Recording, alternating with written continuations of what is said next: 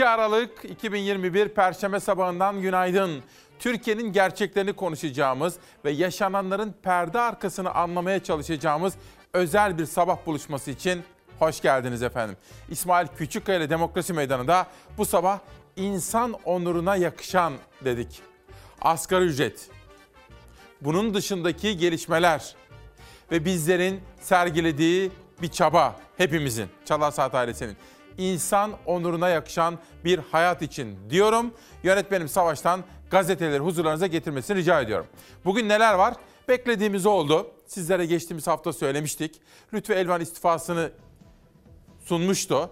Cumhurbaşkanı da bekleyelim bir süre demişti. Belliydi olacağı ve yerine geleceği de biliyordunuz. Onu da konuşmuştuk. Gece yarısı attığı tweetlerle gündem olmuştu. Sabah sizlere o tweetleri de yorumlamıştık. Ve Nurettin Nebati beklendiği gibi Lütfü Elvan'ın yerine Hazine ve Maliye Bakanı oldu. Şimdi bugün Pencere Gazetesi de okuyalım. Beklenen oldu. Elvan gitti, Nebati geldi. Hazine'de Albayrak gölgesi.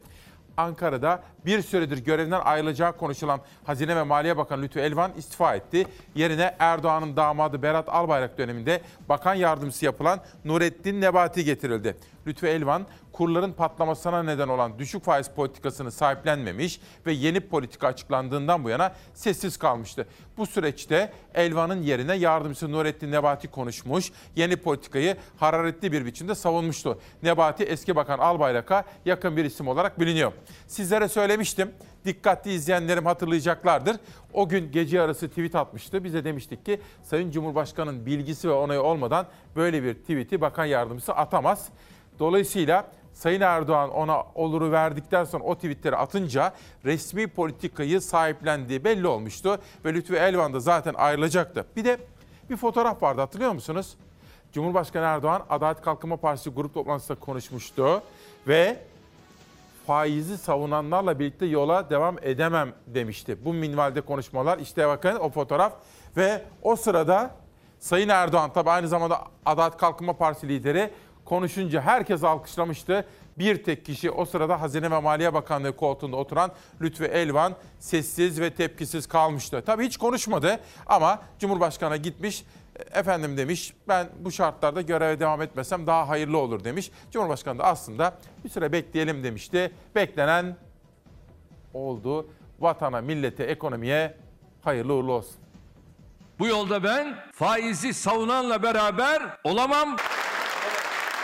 Faiz baskısını azaltacak tedbirler aldık. Attığımız her adımla güçlenerek yolumuza devam edeceğiz. Yeni bakan adayımız Sayın Nebati. O anlaşılıyor. Uzun bir süredir beklenen değişiklik gerçekleşti. Hazine ve Maliye Bakanı Lütfü Elvan görevinden istifa etti. Yerine yardımcısı Nurettin Nebati yeni bakan olarak atandı.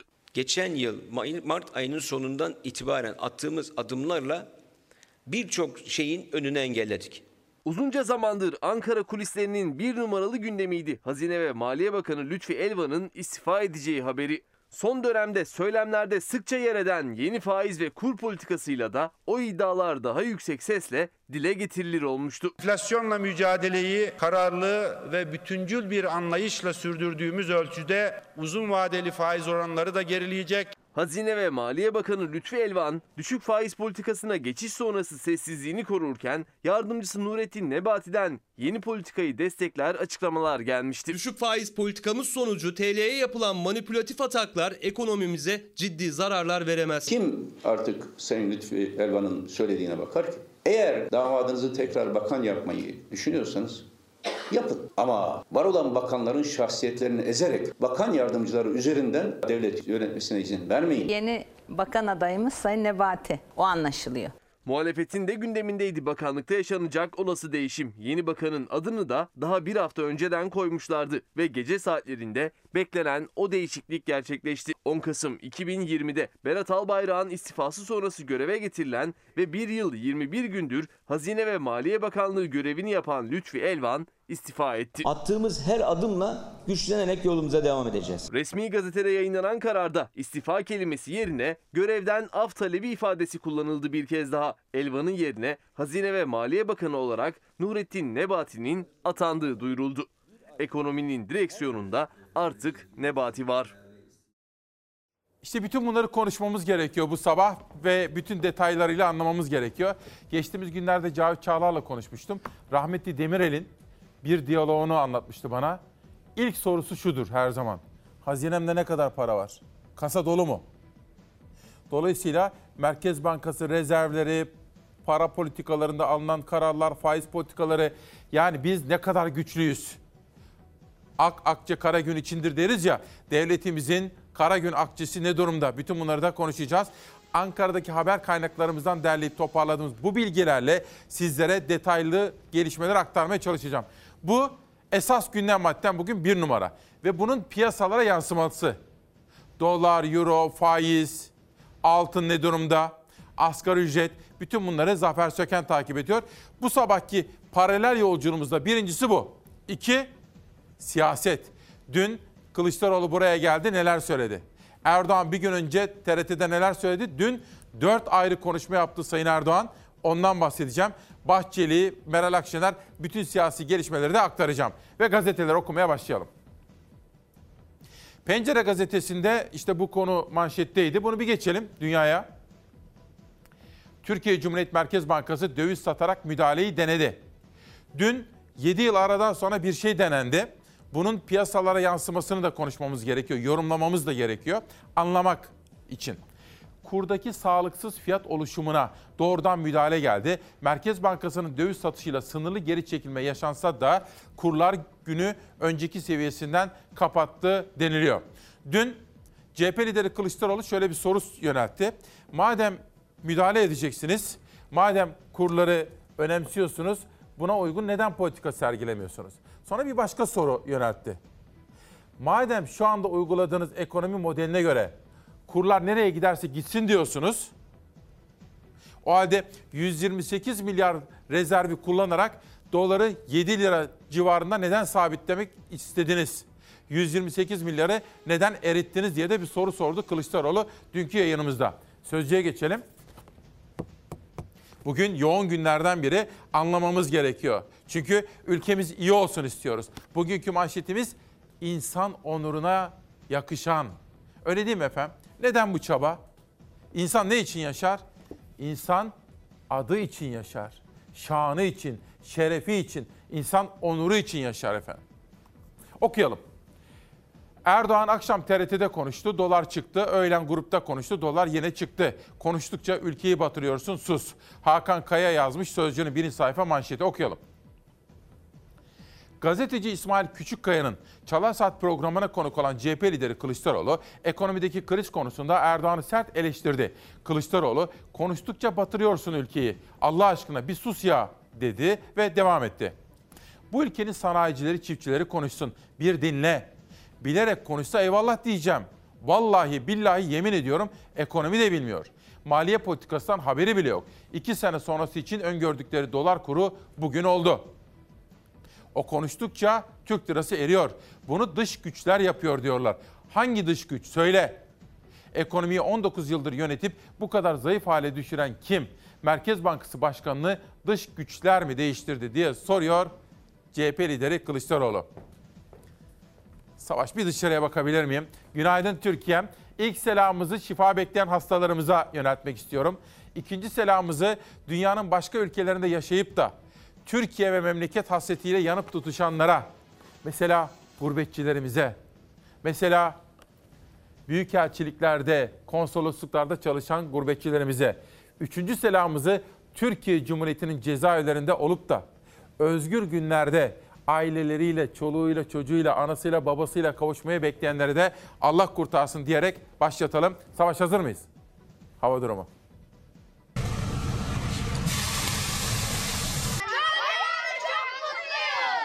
Anadolu'da yağışlar kara döndü, yurdun batı ve iç kesimlerinde yüksekler karalırken doğuya doğru gidildikçe kar yağışı şehir merkezlerine indi. Kar büyük ölçüde sevinçle karşılandı. Dağlar bembeyaz oldu, kuraklık nedeniyle biraz karamsardık, şimdi sevinçliyiz.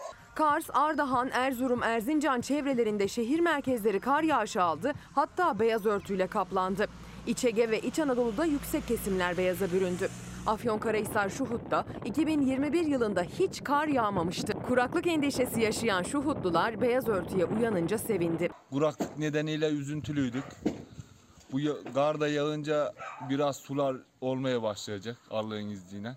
Manisa'nın en yüksek kesimi Demirci ilçesinde kar yağdı.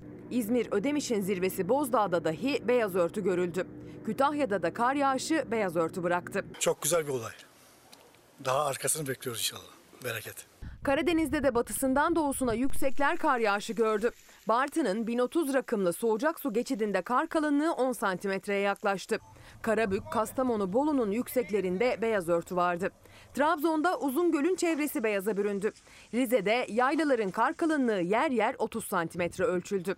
Çamlıhemşin ilçesi Ayder Yaylası Galerdüzü mevkiinde hatrı sayılır ölçüde kar vardı. İki buçuk saattir burada bekliyoruz. Doğuda kar yağışı ulaşımı aksattı. Erzurum Erzincan arasında karayolunda biriken kar nedeniyle ulaşım 3 saat durdu. Şu anda e, yol açış işlemi tamamlandı. Uzun bir aradan sonra ilk defa böyle bir kar yağıyor.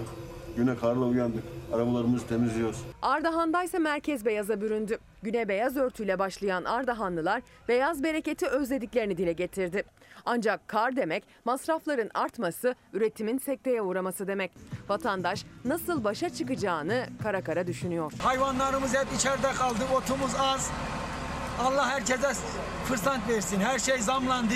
Çok kötü zamana gidiyoruz. Hava durumu ve bununla bağlantılı çevre haberleri, üretici manşetleri de var. Onları da Ezgi Gözeger takip ediyor. Seylan Kaplan diyor ki, bir gece ansızın bakan olabilirim demiş. Ya Türkiye'nin yaşadığı sisteme ilişkin böyle bir eleştiri, böyle bir tespitte bulunmuş. Figen Aybek, insan sizin de söylediğiniz gibi şerefi, onuru, haysiyeti için yaşar. İnsan kendisine yakışanı yapar demiş efendim. Figen Hanım'a da gösterdiği ilgi için teşekkür ediyorum. Hürriyet'ten iki manşet. Bugün insan onuruna yakışan dedik ya efendim. Asgari ücret konusunu dosya olarak da ele alacağız bu sabah. Asgari ücrete fevkinde zam. Cumhurbaşkanı Erdoğan asgari ücret çalışmaları sürüyor. Bugüne kadar olmuşun çok çok fevkinde yani üstünde bir artış yapacağız dedi. Dünkü açıklamalar içerisinde öğretmenlere ve doktorlara da müjdeler vardı ki bu sabah sizlere bu buluşmamız içerisinde öğretmenlerimize ve doktorlarımıza verilen müjdeleri de detaylı olarak göstereceğim. Bir de Mansur Yavaş meselesi var. Hürriyet'in birinci sayfasında Mansur Yavaş'a gelen bir destek de vardı. Bir de Kılıçdaroğlu var. Hepsini konuşacağız. Hatta Saygı Öztürk'e konuşmuş. Saygı Öztürk soru sormuş Mansur Yavaş'a. O da demiş ki önce anlatmış kendisini biraz sonra detaylandıracağım da. Belediyede ülkücüler çalışıyor diyorlar. E peki adam ülkücü diye ben onu işten mi atayım? Ülkücü olduğu için adamı çalıştırmayayım mı? Böyle bir soruyla gündem oluşturmuş Saygı Öztürk'e verdiği yanıtta Ankara Belediye Başkanı Mansur Yavaş.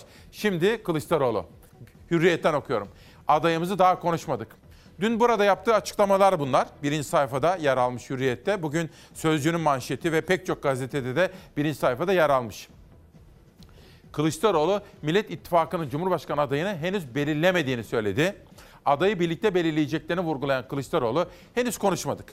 Konuşmadığımız bir konuyu benim dillendirmem yanlış olur. Bir araya gelip belirleyeceğiz.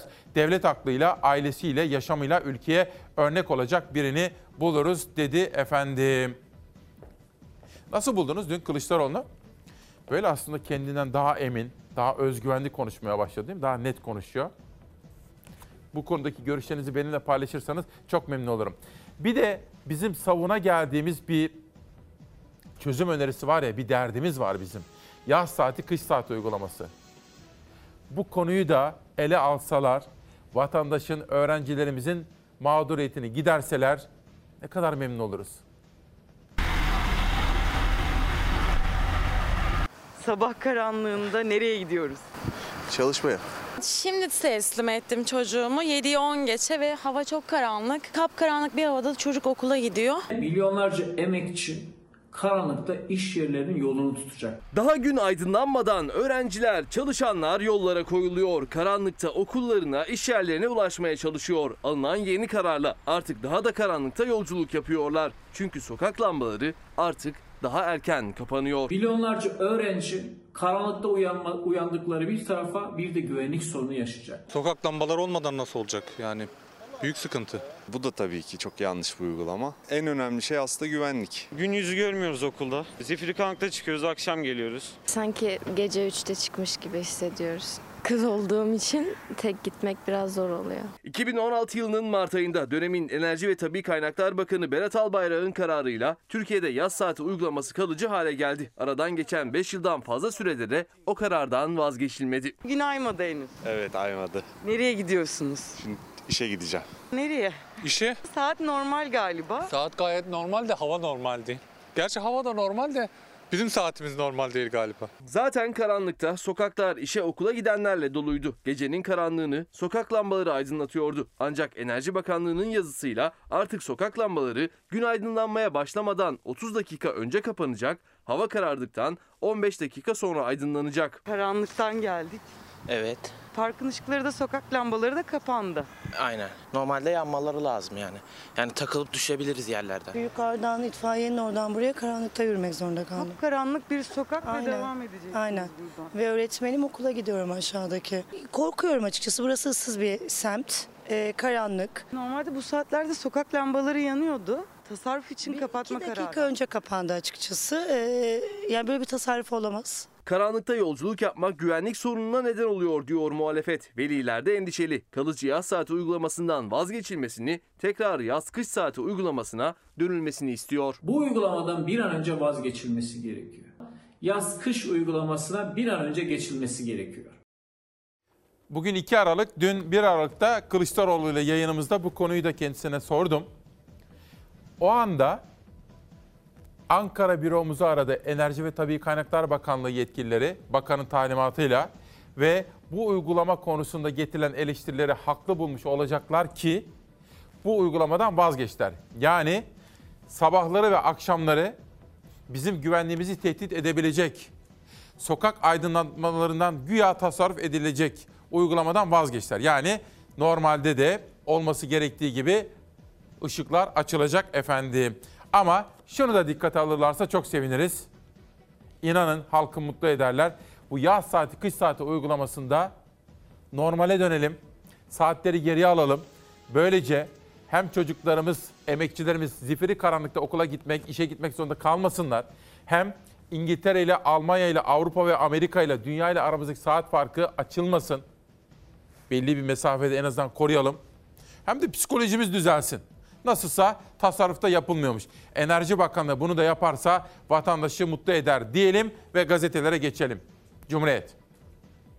Borç batağı. Geçinemeyen halk krediye sarıldı. Merkez Bankası emanet parayla yangına bir kova su döktü. Cumhurbaşkanlığınca yayımlanan tablolar ülkedeki yangını gözler önüne serdi. Yılın ilk ayında tüketici kredisini ödeyemeyenlerin sayısı %127.2 artarak 788.861 kişiye çıktı. Geçen yıl 347.276 idi bu rakam. Eylül itibarıyla tüketici kredilerinde 2.6 milyon, bireysel kredi kartlarında ise 2.4 milyon kişi yasal takipte. Bu Mustafa Çakır'ın haberi.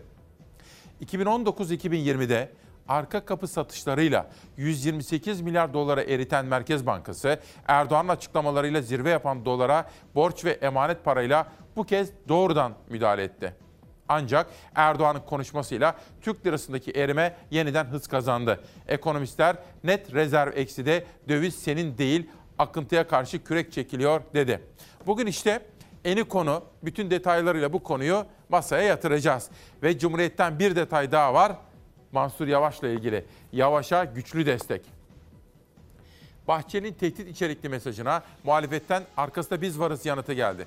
Kılıçdaroğlu, Sayın Bahçeli araştırmadan, soruşturmadan, siyasi tartışmalardan uzak duran Mansur Yavaş'ı suçluyor. Akıl alır bir şey değil. Ekonomiyi bilmeyen Erdoğan da konuştukça ülkeyi batırıyor. Akşener ise yok öyle yağma Sayın Bahçeli. Yavaş'ın arkasında biz varız. Ankaralılar var. Fakirleşen millet çare beklerken Erdoğan cahilce konuşup doları zıplatıyor. Hükümetin küçük ortağı da salon basıyor dedi efendim. Ve MHP liderinin yaptığı açıklamalar sonrası Semih Yalçın'dan da benzer açıklamalar geldi. MHP'den de Mansur Yavaş'a tepkiler geliyor. Mansur Yavaş kendisini savundu. Bugün Saygı Öztürk'e yaptığı açıklamalar var. Yani ülkücü olduğu için çalıştırmayayım mı belediyede diyor mesela çarpıcı bir cümle bu. Ve işte gündemde Mansur Yavaş. Bundan sonra Mansur Bey bu arkadaşların nefesini ensesinde hissedecekmiş. Yok öyle ya ama Sayın Bahçeli. Mansur Yavaş'ın arkasında biz varız, Ankaralılar var. Bundan sonra Mansur Bey dikkat etsin. Artık kendisinin arkasında bir ülkücü nefes vardır. Her günde takip edecektir. Yalana, talana, yoksulluğa ses çıkarmayacaksınız. Sonra da çıkıp tek derdi Ankara'ya hizmet olan belediye başkanımızı tehdit edeceksiniz. Ayıptır ayıp. Eğer siz AK Parti kazansın diye kendi partinizi ve ülkücüleri tümüyle feda etmeye hazır bir pozisyon takınmışsanız siz artık siyaset üretemezsiniz. Bahçeli'nin düştüğü pozisyon budur. MHP lideri Bahçeli'nin Türkeş'i anma etkinliğinde yaşanan kavga sonrası Mansur Yavaş'ı suçlayıp dikkat etsin artık arkasında bir ülkücü nefes var çıkışı siyasetin tansiyonunu yükseltti. Millet İttifakı ortakları Kılıçdaroğlu ve Akşener'den sert tepki geldi Bahçeli'ye. Siz bu hükümetin küçük ortağısınız. Milletimiz sizden zamlara, işsizliğe, yoksulluğa, pahalılığa çare bekliyor. Siz ise utanmadan salon basma peşindesiniz. Elde ettiğimiz ön bilgiler Mansur Bey'in elinin altında geliştiği kanaati hakim. Bahçeli'nin yapması gereken baskın düzenleyenleri partide tutmayacağım ve atacağım demesi lazımdı. Tam tersine hiç ilgisi olmadığı halde Mansur Bey'i suçladı.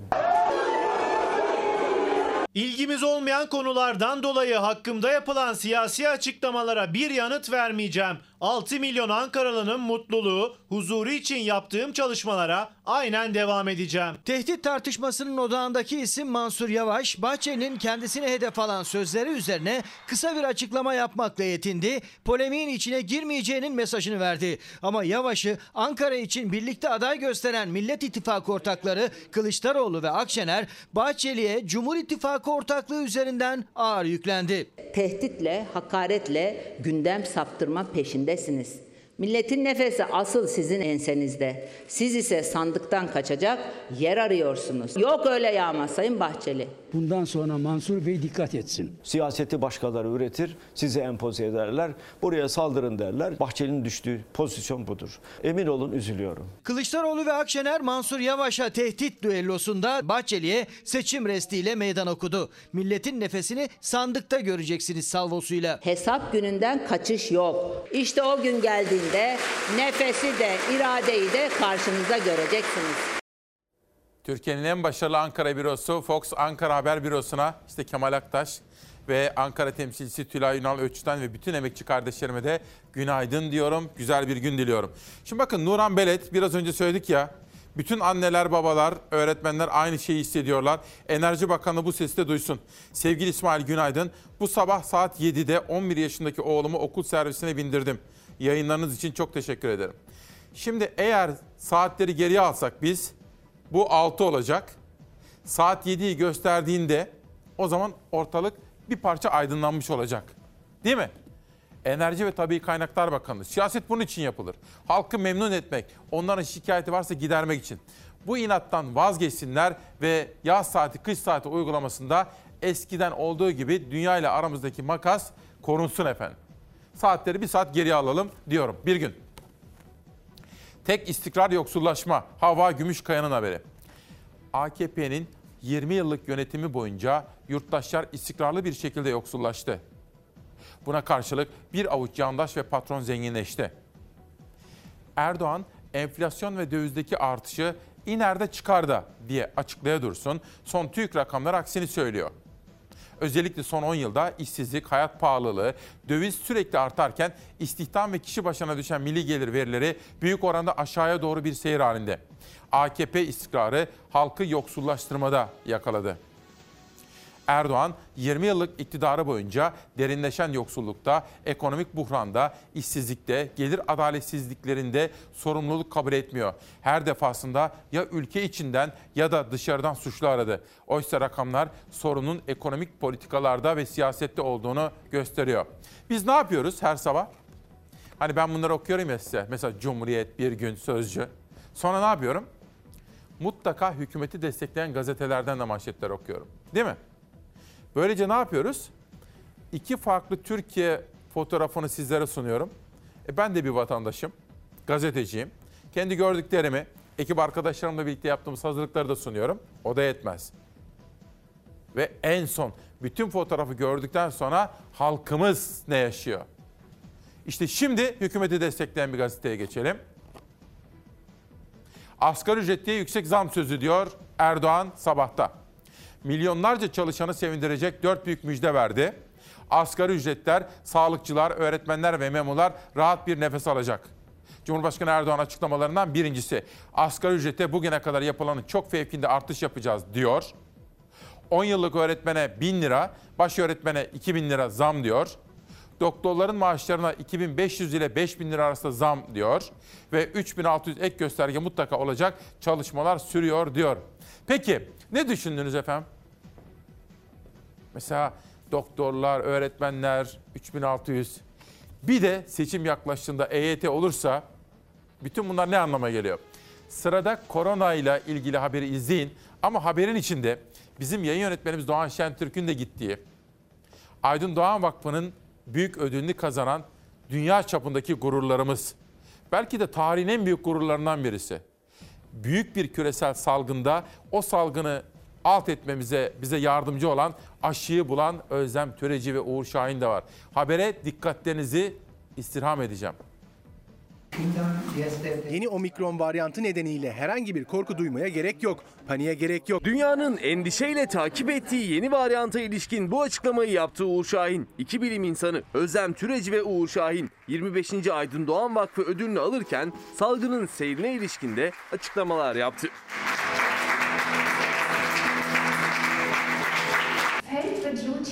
Neyin neden nasıl olduğu konusunda herkesin bilgilendirilmeye ihtiyacı var. İşte burada medyanın önemi büyük. Sosyal sorumluluk üstlenen bir medya gerekiyor. Aralarında Fox Haber Genel Yayın Yönetmeni Doğan Şentürk'ün de olduğu gazeteciler salgınla ilgili merak edilen soruları Türeci ve Şahin çiftine yöneltti. En çok merak edilen dünyanın alarma geçtiği yeni varyant Omikron'du ve aşıların bu varyanta karşı etkili olup olmadığı.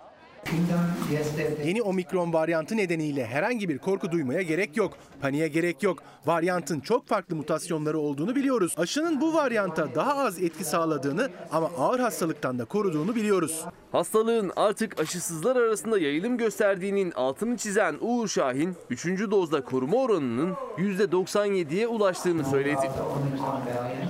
Vaka sayıları aşı olmayanlar arasında aşı olanlara kıyaslandığında 8 kat daha fazla. Aşı oranıyla kıyaslandığında yoğun bakıma alınma oranı da 8 kat daha fazla. Hatırlatma dozu gerekli. Özellikle belli bir yaş grubu için, genel olarak nüfusun tamamı için 3. dozun gerekli olduğunu söylüyoruz. 20 kat daha koruma sağlıyor. 3. doz ile %97 koruma sağlanıyor. Aşı tereddütü yaşayanlara da seslendi Şahin. En çok merak edilenlerden biri aşının seneler sonra ortaya çıkabilecek bir rahatsızlığa yol açıp açmayacağı sorusuna yanıt verdi.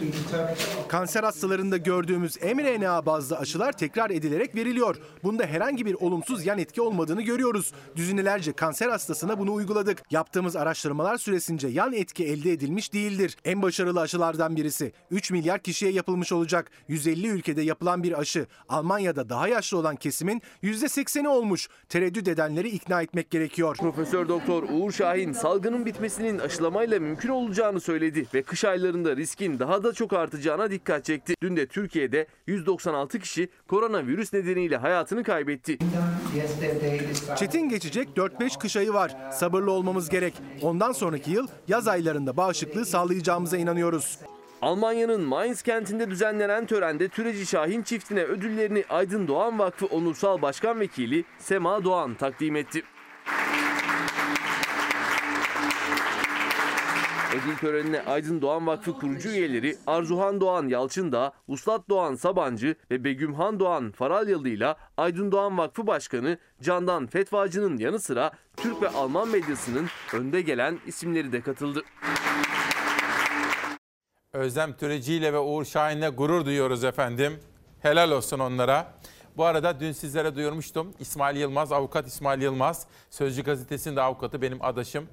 O da korona yakalanmıştı. Durumunu her gün kontrol ediyorum. Gayet iyi geçiriyor. Evde istirahat ediyor ve kendisine iyi bakıyor. İlkay Sezer bütün ailesi İlkay abinin dışında avukat İlkay Sezer'in de bütün ailesi korona olmuştu. Eşi, çocukları. Onların durumlarını da sabah kolaçan ettim. Onlar da iyi. Onlara ve onların şahsında bütün hastalarımıza Salih Supi Soner ve babama da bütün şifa bekleyenlere de canı gönülden geçmişler olsun diyorum. Hacettepe'den bir grup hemşire diyor ki günaydın. Hastanelerin omurgası kimdir? 24 saat hastasının tedavisinden sorumlu olan kimdir? Biz hemşireler, biz hemşirelerin emeğini görmezden gelen yetkililere hakkımızı helal etmiyoruz diyor. Kız kardeşi hemşire olan bir arkadaşınız olarak hemşirelerin bu sesini de duyurmayı bir vazife biliyorum efendim. Hacettepe'li hemşirelere de teşekkür ediyorum. Ve yeni çağa geçelim. Dilini tut, işi ehline bırak, tasarruf et. Her konuşmasıyla ekonomiye zarar verip Türk lirasının değerini düşürmekle suçladığı Tayyip Erdoğan'a böyle seslenen İyi Parti lideri Akşener artık yeter. Beceriksiz beceriksizliklerinizin faturasını millete kesmeyi bırakın dedi. Bir de Türkgen'e geçelim. Orada da biz bu sarmadan çıkacağız diyen Erdoğan'ın sözleri manşet. Cumhurbaşkanı Erdoğan, Türkiye'nin kur, faiz, enflasyon sarmalında yaşamayacağını belirterek biz bu sarmaldan çıkacağız. Kur dediğin bugün artar, yarın düşer. Üretim ve istihdamdaki artış kalıcıdır dedi. Erdoğan stokçuluk yapanlarla ilgili de mesajlar verdi ve stokçuluk yapanların bunun bedelini çok ağır ödeyeceğini de sözlerine ekledi efendim. Dün Cumhuriyet Gazetesi'nden Işık Kansu aradı. Burada Cumhuriyet Gazetesi'nin emekçilerle ilgili politikalarına dair bir çift sözümüz olmuştu. Detaylı bir takım bilgilendirmeler yaptı. Hatta yanında Mustafa Balbay vardı. Sonra Balbay da aldı. Bugün birinci sayfalarında şöyle bir bilgilendirme yapmışlar. Aykut Küçükkaya ile de her gün konuşuyorum biliyorsunuz. Cumhuriyet'ten zorunlu açıklama. Bu konuyu da bir parça sizlere anlatacağım. Emek ve emekçi, gazete, gazetecilik bu zor dönemde savuna geldiğimiz değerler biraz sonra detaylı olarak sizlere bilgisini vereceğim. Savaş bir dünyaya bakalım. Beyza Gözeyik de dünyadaki gelişmeleri derleyip toparladı. Bugün gündem çalışmamızı Nihal Kemaloğlu ile yaptık. Etiketimizi o söyledi. İnsan onuruna yakışan. Akışımızı Zeray Kınacı ile birlikte yaptık. Çalar Saat gazetemizi de Duru Arca ve Orkun Özgül çizdi. Asgari ücret konusunda manşet attık hep beraber. Şimdi dünyaya bakalım. Beyza Gözeyik'in hazırladığı haberlerde neler var? Burada bir gösteri. Bu gösteride kadınlar kürtaj hakkını savunuyorlar. Amerika Birleşik Devletleri'nde bir eyalette bazı davalar olmuş. O hatta Yüce Mahkeme'ye kadar gitmiş haberin devamında. Ve şimdi Amerikalı kadınlar kürtaj haktır, hakkımız engellenemez diyorlar efendim. Buradan Independent'a geçelim. Aynı olay yine manşette. Bu kürtaj meselesi Amerika'da Roe ve Wade ismiyle anılıyor. Ve eğer Yüce Mahkemenin verdiği bu karar yaygınlaşırsa Amerikalı kadınların kürtaj hakkı elinden alınacak mı? İşte bütün bunları konuşuyorlar. Haberde bunu da göreceksiniz. Ama dünyanın konuştuğu bakın omikron ve belki de uzmanlar bizi uyarıyorlarmış bakın. Uzmanlardan gelen uyarılar. Belki de omikron bugüne kadar gördüğümüz bu korona ve pandemideki en yüksek patlamanın kaynağı olabilir diyorlar. İzleyelim. Dünya yeni bir dalganın etkisinde bilinmezlikle mücadele ediyor. Ülke liderleri farklı tutumlar sergiliyor. Almanya'nın yeni şansölyesi Olaf Scholz zorunlu aşıyı gündeme getirdi. İngiltere Başbakanı Boris Johnson pandeminin başındaki rahat tavırlarına geri döndü. Noel planlarınızı ertelemeyin dedi. Omikron varyantı hızla yayılmaya, günlük vakaları artırmaya devam ediyor. Ülkelerin çoğu çözümü sınırları kapamakta buldu. Ancak Dünya Sağlık Örgütü'ne göre bu yanlış bir yol. Açıklamada seyahat kısıtlamasının virüse engel olmayacağı gibi insanlara ciddi ekonomik külfet yaratacağına yer verildi. Şirketler aşılarını yeni varyanta göre uyarlamak için çalışmalara başladıklarını duyurdu. BioNTech de o şirketlerden biri. BioNTech aşısını geliştirenlerden Profesör Doktor Uğur Şahin mevcut aşıların omikron varyantına karşı da koruyuculu olduğunu açıkladı. Üçüncü yani güçlendirilmiş dozun önemine vurgu yaptı. Almanya'da günlük vakalar 55 bine çıktı. Yeni şansölye Olaf Scholz zorunlu aşı kararını gündeme getirdi. Scholz aşı olmayanlar için tedbirlerin hiç olmadığı kadar sıkılaşacağını duyurdu. Salgının başında virüsü umursamaz sabrıyla dünyanın gündemine oturan İngiltere Başbakanı Boris Johnson, artan günlük vakalara, omikron vakalarının da artmasına rağmen Noel planlarınızı ertelemeyin mesajı verdi. İşte böylesine bir dayanışma ekip ruhuyla sizlere Türkiye'nin gerçeklerini sunmaya çalışıyoruz. Sesçimiz Turgay'a da o bir kartal ruhlu. Onunla birlikte teknik yönetmenimiz Latif Arvas'a bir Van canavarı, Vanlı kardeşime emekleri için teşekkür ediyorum. Sözcü'deki manşeti bir hatırlayalım sonra Akşener'e geçeceğim. Erdoğan akşam TRT'de konuştu, dolar çıktı. Öğlen grupta konuştu, dolar yine çıktı. Gazeteci İsmail Küçükkaya'nın Çalar Saat programına konuk olan CHP lideri Kılıçdaroğlu ekonomideki kriz konusunda Erdoğan'ı sert eleştirdi. Kılıçdaroğlu konuştukça batırıyorsun ülkeyi Allah aşkına bir sus ya dedi ve ekledi. Bu ülkenin sanayicileri, çiftçileri konuşsun. Bir dinle. Bilerek konuşsa eyvallah diyeceğim. Vallahi billahi yemin ediyorum ekonomi de bilmiyor. Maliye politikasından haberi bile yok. İki sene sonrası için öngördükleri dolar kuru bugün oldu diyor. Bakanın değiştiği bir gündeyiz. Lütfü Elvan istifa etmişti. Çünkü istediği gibi görev yapamayınca durmanın anlamı yok. Çünkü Cumhurbaşkanı ne istiyorsa zaten yapıyorlarsa o zaman bakan orada niye durayım diye düşünmüş olmalı ki bıraktı. Şimdi yerine Nurettin Nebati geldi. Bakalım neler yaşayacağız. Vatana, millete, ekonomiye hayırlı uğurlu olsun. Diyelim Akşener'e geçelim. Dilini tut, ekonomi işini ehline bırak. Erdoğan konuştukça Türk lirasının değer kaybetmesine bir eleştiri de İyi Parti lideri Akşener'den geldi. Akşener, AK Parti iktidarı beceriksizliklerinin faturasını hep milletimize kesti. Artık biraz da onlar tasarruf etsin dedi ve sözlerini şöyle sürdürdü. Erdoğan dünyanın en pahalı uçağına binmeden yaşayabilir. Ekonominin başına işin ehli insanlar gelirse Erdoğan da kıt bilgiyle ekonomiye burnunu sokmak yerine dilini tutup işini eline bırakırsa faiz giderleri emin olun düşer. Sırtını saraya dayayanlar dışında milletimizin her bir ferdi kan ağlıyor. Dolar 14 liraya dayanmış, ticaret durmuş durumda. Artık yeter. Türkiye sömürge valisi aklıyla yönetilemez diyor efendim. Muhalefet Erdoğan için biraz sussa doların ateşi düşer diyor. Hiçbir zaman faizci olmadım. Bugün de değilim, yarın da olmayacak. Ya konuştukça batırıyorsun ülkeyi. Konuştukça. Allah aşkına bir sus ya. Ve hep söylediğim tezimi tekrar ediyorum. Enflasyon neticedir. Faiz sebeptir. O cahilce konuştukça dolar zıplıyor.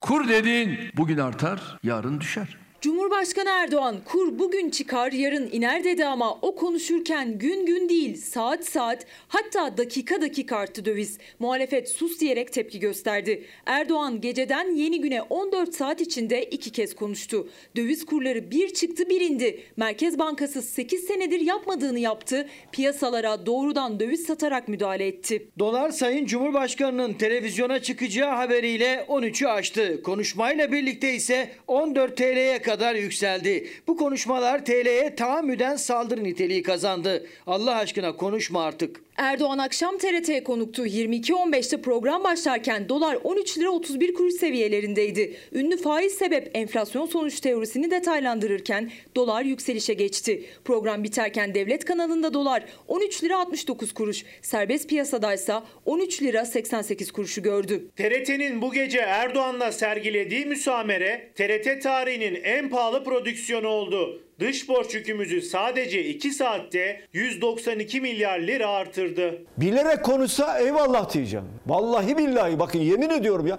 Ekonomi de bilmiyor ya. Cumhurbaşkanının bu akşam konuşmasının maliyetiyle EYT sorunu kökünden çözülürdü. Faizin düşüşü sebebiyle kurda da ciddi bir olumlu iyileşmenin olduğunu hep birlikte göreceğiz. Buna enflasyon da dahil.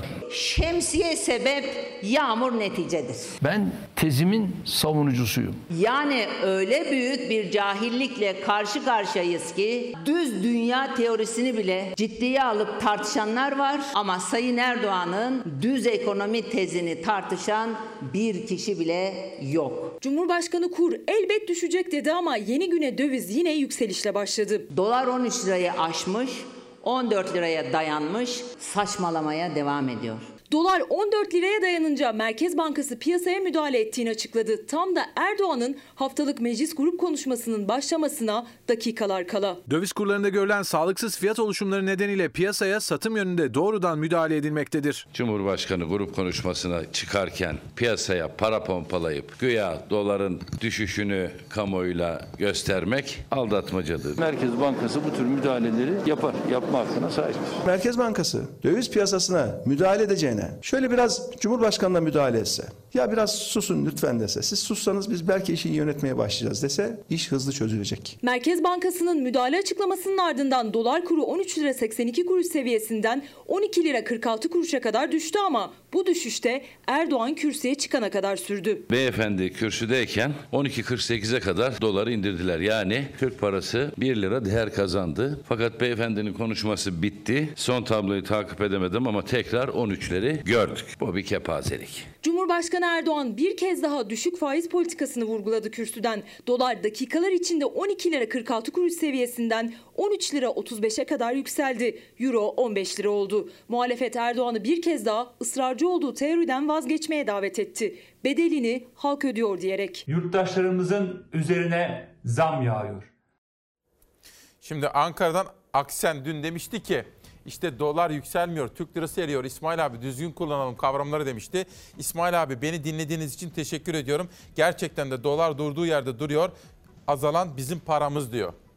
Ankara'ya Aksen'e de teşekkür ediyorum. İnsan onuruna yakışan. Dün Kılıçdaroğlu ile yayın bitti. Ekrem İmamoğlu da ona eşlik ediyordu. Sonra Genel Müdürümüz Cenk Söner Bey kendisine bir fincan kahve ikram etmek istedi. Geldiler. Orada konuşurken ben bir üzüntümü de dile getirdim. İşte bakın geçirdiği trafik kazası sonucu hayatını kaybeden Sivas İmranlı Belediye Başkanı Murat Açıl İstanbul'da Garipte'de Cemevinde düzenlenen törenle son yolculuğuna uğurlandı. Ben de o kıymetli kardeşimize buradan Allah'tan rahmet, çocuklarına, ailesine, sevenlerine sabır ve başsağlığı diliyorum. Öncelikle hepimizin başı sağ olsun. İmranlı için. İmranlılar mutlu olsunlar diye. Daha güzel bir kentte yaşasınlar diye. Büyük emekler harcadı. Gençti, dinamikti, enerjikti. İstanbul'la İmranlı'yı bir anlamda buluşturdu. İş dünyasını buluşturdu. Sevgiyi egemen kıldı, dostluğu egemen kıldı. Dolayısıyla büyük çaba harcadı. Genç yaşta kaybettik. Hepimizin başı sağ olsun. Allah rahmet eylesin. Gencecik yaşta hayatını kaybetti trafik kazasında. Ve geçmişten bugüne Karkamış Barak, Karkamış Kaymakamlığı Kültür Yayınları ve Büyüleyici Bağırsak, küçümsediğimiz organ bağırsağın iç dünyası. Efendim müsaade ederseniz moladan hemen sonra huzurlarınıza döneceğim. Günaydın efendim, hoş geldiniz. 2 Aralık'ta sürprizli bir sabah. Aslında sürpriz değil, sizler biliyordunuz. Lütfü Elvan istifasını istemişti. İstifası kabul edildi. Yerine geleceği belliydi. Tweetler atıyordu. Sizlerle de paylaşmıştık.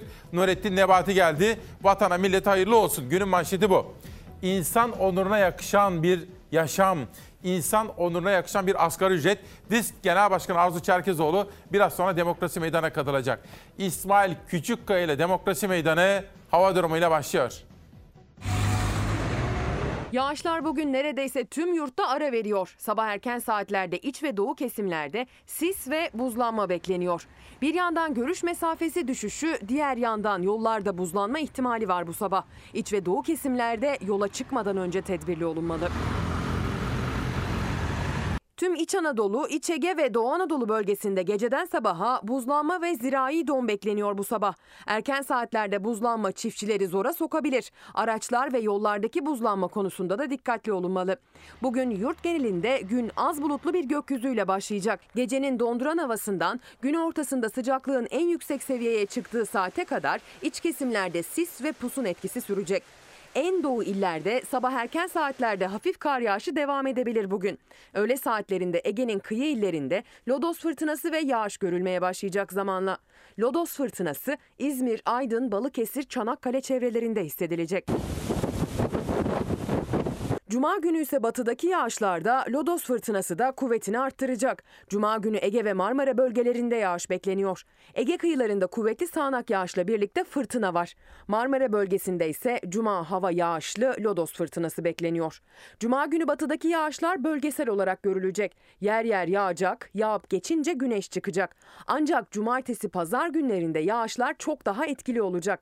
Hafta sonu yağışlar hem Ege, Marmara, iç kesimler, Akdeniz ve Karadeniz bölgelerinde görülecek hem de beraberinde fırtına etkili olacak. Bugünden bakıldığında cumartesi Ege bölgesi genelinde ve Antalya, Burdur, Isparta çevrelerinde kuvvetli sağanak yağış etkili olacağı benziyor. Şimdiden bilmekte fayda var.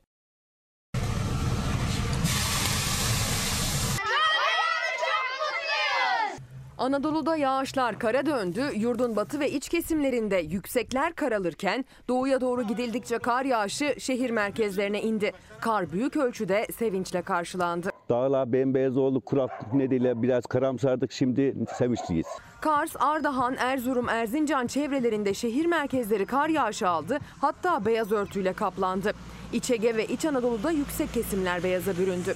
Afyonkarahisar Şuhut'ta 2021 yılında hiç kar yağmamıştı. Kuraklık endişesi yaşayan Şuhutlular beyaz örtüye uyanınca sevindi. Kuraklık nedeniyle üzüntülüydük. Bu ya- kar da yağınca biraz sular olmaya başlayacak Allah'ın izniyle. Manisa'nın en yüksek kesimi Demirci ilçesinde kar yağdı. İzmir Ödemiş'in zirvesi Bozdağ'da dahi beyaz örtü görüldü.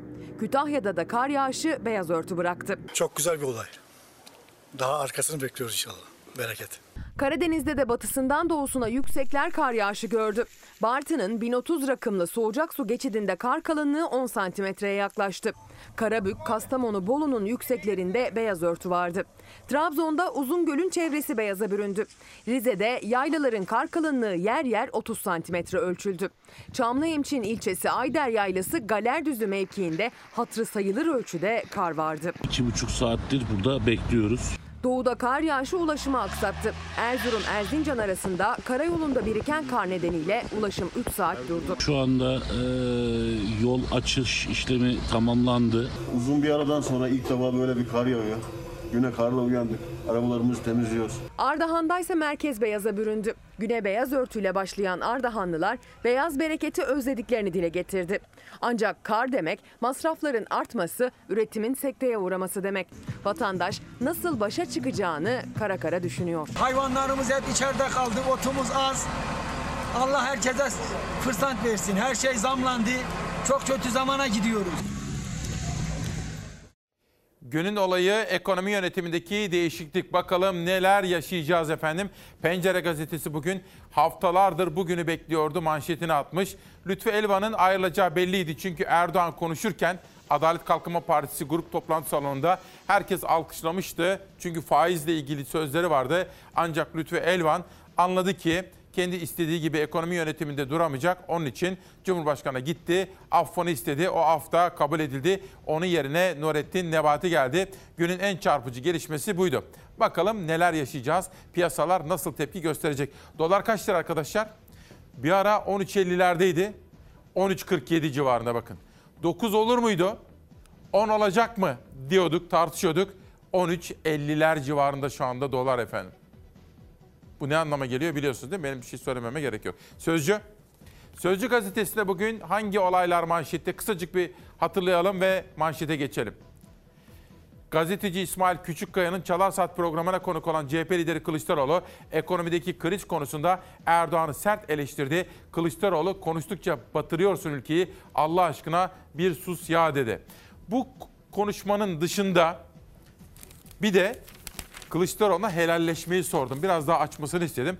Bugün Hürriyet gazetesinin birinci sayfasında ve iç sayfasında da aynı olay var. Kılıçdaroğlu'ndan Erdoğan'a helalleşmeyi kavrayamamış sözleri var. Türkiye'nin gündemi bir de helalleşme. Ben diyorum ki ya oturalım bir helalleşelim. Kimin kabahati kusuru kendisini görüyorsa açık yürekli oturalım bir helalleşelim. Bay Kemal, SSK Genel Müdürlüğü döneminde tedavi borcu nedeniyle evladının cenazesini alamayan vatandaşlarla önce bir helalleşsin. İnsanların morglarda öldüğü dönemin sorumlusu sen değil misin? Helalleşme ne olduğunu henüz kavrayamamışsa tartışmayı helalleşme sanıyor bu. Kılıçdaroğlu helalleşme çağrısını yineledi. Geçmiş yaraları kanatmayalım, geleceğe odaklanalım diyerek. Ama Cumhurbaşkanı Erdoğan arşivleri açtı. CHP liderine mağdur ettiklerinden helallik almaya ömrün yetmez diye seslendi. Erdoğan'ı desteklediler diye gayrimilli ifadesini kullanmak bu durum bile Bay Kemal'in ne kadar samimiyetsiz olduğunun göstergesidir. Sonra da helalleşmeye çıkacaksın. Eğer siz Türk liranızın değerini düşürüyorsanız, döviz karşısında kan kaybediyorsam sizi eleştirmek benim en doğal hakkımdır. Eleştiri Ayşe. Tabii helalleşmek tek taraflı olmuyor. İki tarafın helalleşmesi lazım. Erdoğan CHP liderinin ekonomi üzerinden yaptığı gayrimilli çıkışını da hatırlattı. Bu konuşması için o hakkım helal değil demişti. Kılıçdaroğlu sözlerinden geri adım atmadı. Eleştiri yaptım. Helalleşmek farklı diye de ekledi. Önce bir defa başörtülülerden bir helallik dilemesi lazım. Ben ilk başörtüsü yasağının doğru olmadığını söylemiştim. Parti meclisinde var zaten. Her seçim öncesi CHP'liler muhafazakar seçmene şirin görünmek için hep takla atmaya başlarlar. Bu biraz erken oldu sanki.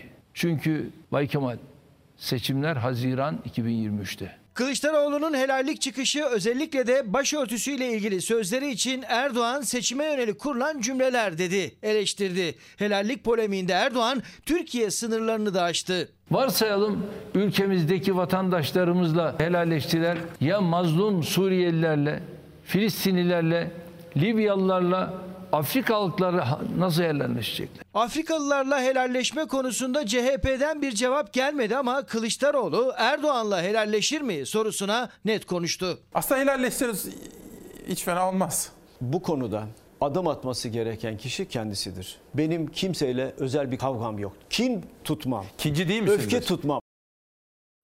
Şimdi tabii bu röportaj çok konuşuldu. Dün hemen hemen bütün televizyonların ana haberlerinde de vardı. İşte ben şöyle bir baktım ne bileyim Star'da vardı, orada var, burada var, ATV'de vardı ne bileyim Habertürk'te geniş geniş yer aldı.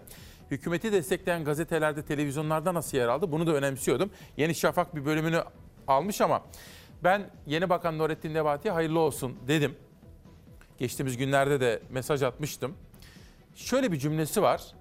Tabii önemli ve zor bir dönemde önemli ve zor bir görevi üstlendi. Bakandan bana gelen mesaj şöyle. Günaydın. Anlayış farklılığı olduğu için dünya güzel. Ama unutmayalım ki bu ülke, bu vatan, bu topraklar hepimizin diyor efendim. Sonra kendisiyle ilgili de bir iki duasını da koymuş oraya. Gerçekten de öyledir. Anlayış farklılığı, fikir çeşitliliği. Yeter ki birbirimize anlayış gösterelim, saygı gösterelim, birbirimizi dinleyebilelim. Sonuçta ülke hepimizin. Siyasi görüşlerimiz, yaklaşımlarımız, dünyaya bakışımız farklı olabilir. Eleştirilerimizde de ülkemizi sevdiğimizdendir. Sebahattin Ali reis öyle diyordu ya hakime. Reis bey diyor biz bu iktidarı destekliyorsak memleketi sevdiğimizdendir. Yok eğer biz eleştiriyorsak o da memleketi sevdiğimizdendir diyordu kendisini savunurken. Bakana da içtenlikle hayırlı işler, hayırlı olsun dileklerinde bulunmak istiyorum efendim. Yeni Şafak dün İsmail Küçükkaya Demokrasi Meydanı'nda Kılıçdaroğlu'nun şu sözlerini manşet olarak yaygınlaştırdı. CHP Genel Başkanı Kılıçdaroğlu, Selahattin Demirtaş'ın helalleşme açılımına verdiği destek için teşekkür etti. Selahattin Bey doğruyu görüyor, teşekkür ediyorum. Geleceği beraber inşa etmeliyiz. Yeni Şafak'ın da paylaştığı o sözleri kısacık hatırlayalım. Sayın Kılıçdaroğlu'nun bu açıklamasını toplumsal uzlaşma ve ülkemizin iç barış açısından çok önemsiyor ve yürekten destekliyorum. Evet. Cumhuriyet'in kurucu partisi CHP'nin genel başkanı sıfatıyla yapılmış bu açıklama tarihi önemdedir ve mutlaka sahiplenilmesi, desteklenmesi ve güç verilmesi gereken ciddi bir adımdır dedi Selahattin Demirtaş. Tabii teşekkür ederim. Doğruyu görüyor Selahattin Bey. Önemli bir adım. Biz mutlaka ama mutlaka bir gelecek inşa etmeliyiz ve beraber inşa etmeliyiz. Bu ülke bizim ülkemiz. Gidecek yerimiz yok. Eğer siz bu ülkede güzel bir gelecek inşa ediyorsanız geçmişin yaralarını kanatmamanız lazım. Yani bir süredir vites yükseltmiş gibi ve hani özgüveni artmış, söyledikleri daha netleşmiş, vurguları netleşmiş gibi bir tavrı var Kılıçdaroğlu'nun. Bilmiyorum sizler de böyle düşünüyor musunuz? Dün çok izlenmişti. Yani sadece belli rakamları söyleyeyim. Bir arkadaşım attı ama şimdi bulabilir miyim? Yani yalnızca Avrupa'da bile işte şu kadar bin kişi canlı yayında izliyordu. işte şu kadar kişi bütün Türkiye'de YouTube'da şu kadar yani olağanüstü hiç görmediği rakamlara ulaşmıştı da bunun sosyolojik ve politik arka planını merak ediyordum. Yani bu ilginin arkasında ne var diye yani sizin gösterdiğiniz psikolojiyi anlamaya çalışıyorum. Yalnızca son 3 ayda her eve 121 bin lira fatura. Ekonomi yönetiminde bir deneme yapıyoruz söylemiyle duyurulan yeni model cepteki yükü katladı. Düşük faiz yüksek kur siyasetine fiilen start verilmesinden bu yana geçen 3 ayda dövizde yaşanan astronomik artışla dış borç yükü ve hazine garantili projelerin ek maliyeti 3 trilyon liraya aştı. Milli borçtan hane başına 121 bin lira düşmesi ısrarın faturasının 83 milyona çıktığını gösterdi diyor efendim.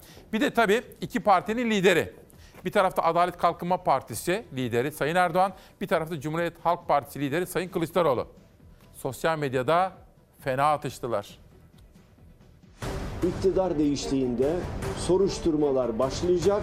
O devlet memurlarına buradan seslenmek istiyorum. Emir almıştım diyerek sıyrılamazsınız. Pazartesi itibariyle durun. Kanal İstanbul ihalesini hiç kimse almayacak. Alan olursa çok ağır bedeller ödeyecek. Milletimizi her fırsatta kendisini tehdit eden bu vesayetçi zihniyetin insafına bırakmayacağız. Cumhurbaşkanı Erdoğan CHP liderinin sözlerinin yer aldığı bir videoyu vesayetçi zihniyet notuyla paylaştı. O paylaşıma Kılıçdaroğlu'ndan yanıt gecikmedi. Davaları geri çekmeler, videolarımı paylaşmalar. Doğru söyle. Cumartesi Mersin'e de geliyor musun? Hala iktidarın peşinde giden öğretmen varsa kimse kusura bakmasın ben ona öğretmen demem. Ve buradan esnafa seslenmek isterim artık. Eğer bunlara gidip sandıkta oy verirsen vallahi de billahi de iki elim iki yakanda olur abi. Erdoğan ve Kılıçdaroğlu'nun söz düellosu bu kez sosyal medya üzerinden yaşandı. Cumhurbaşkanı yalnızca CHP liderinin sözlerinin yer aldığı bir video paylaştı. Bütün üreticilere, bütün çiftçilere sesleniyorum.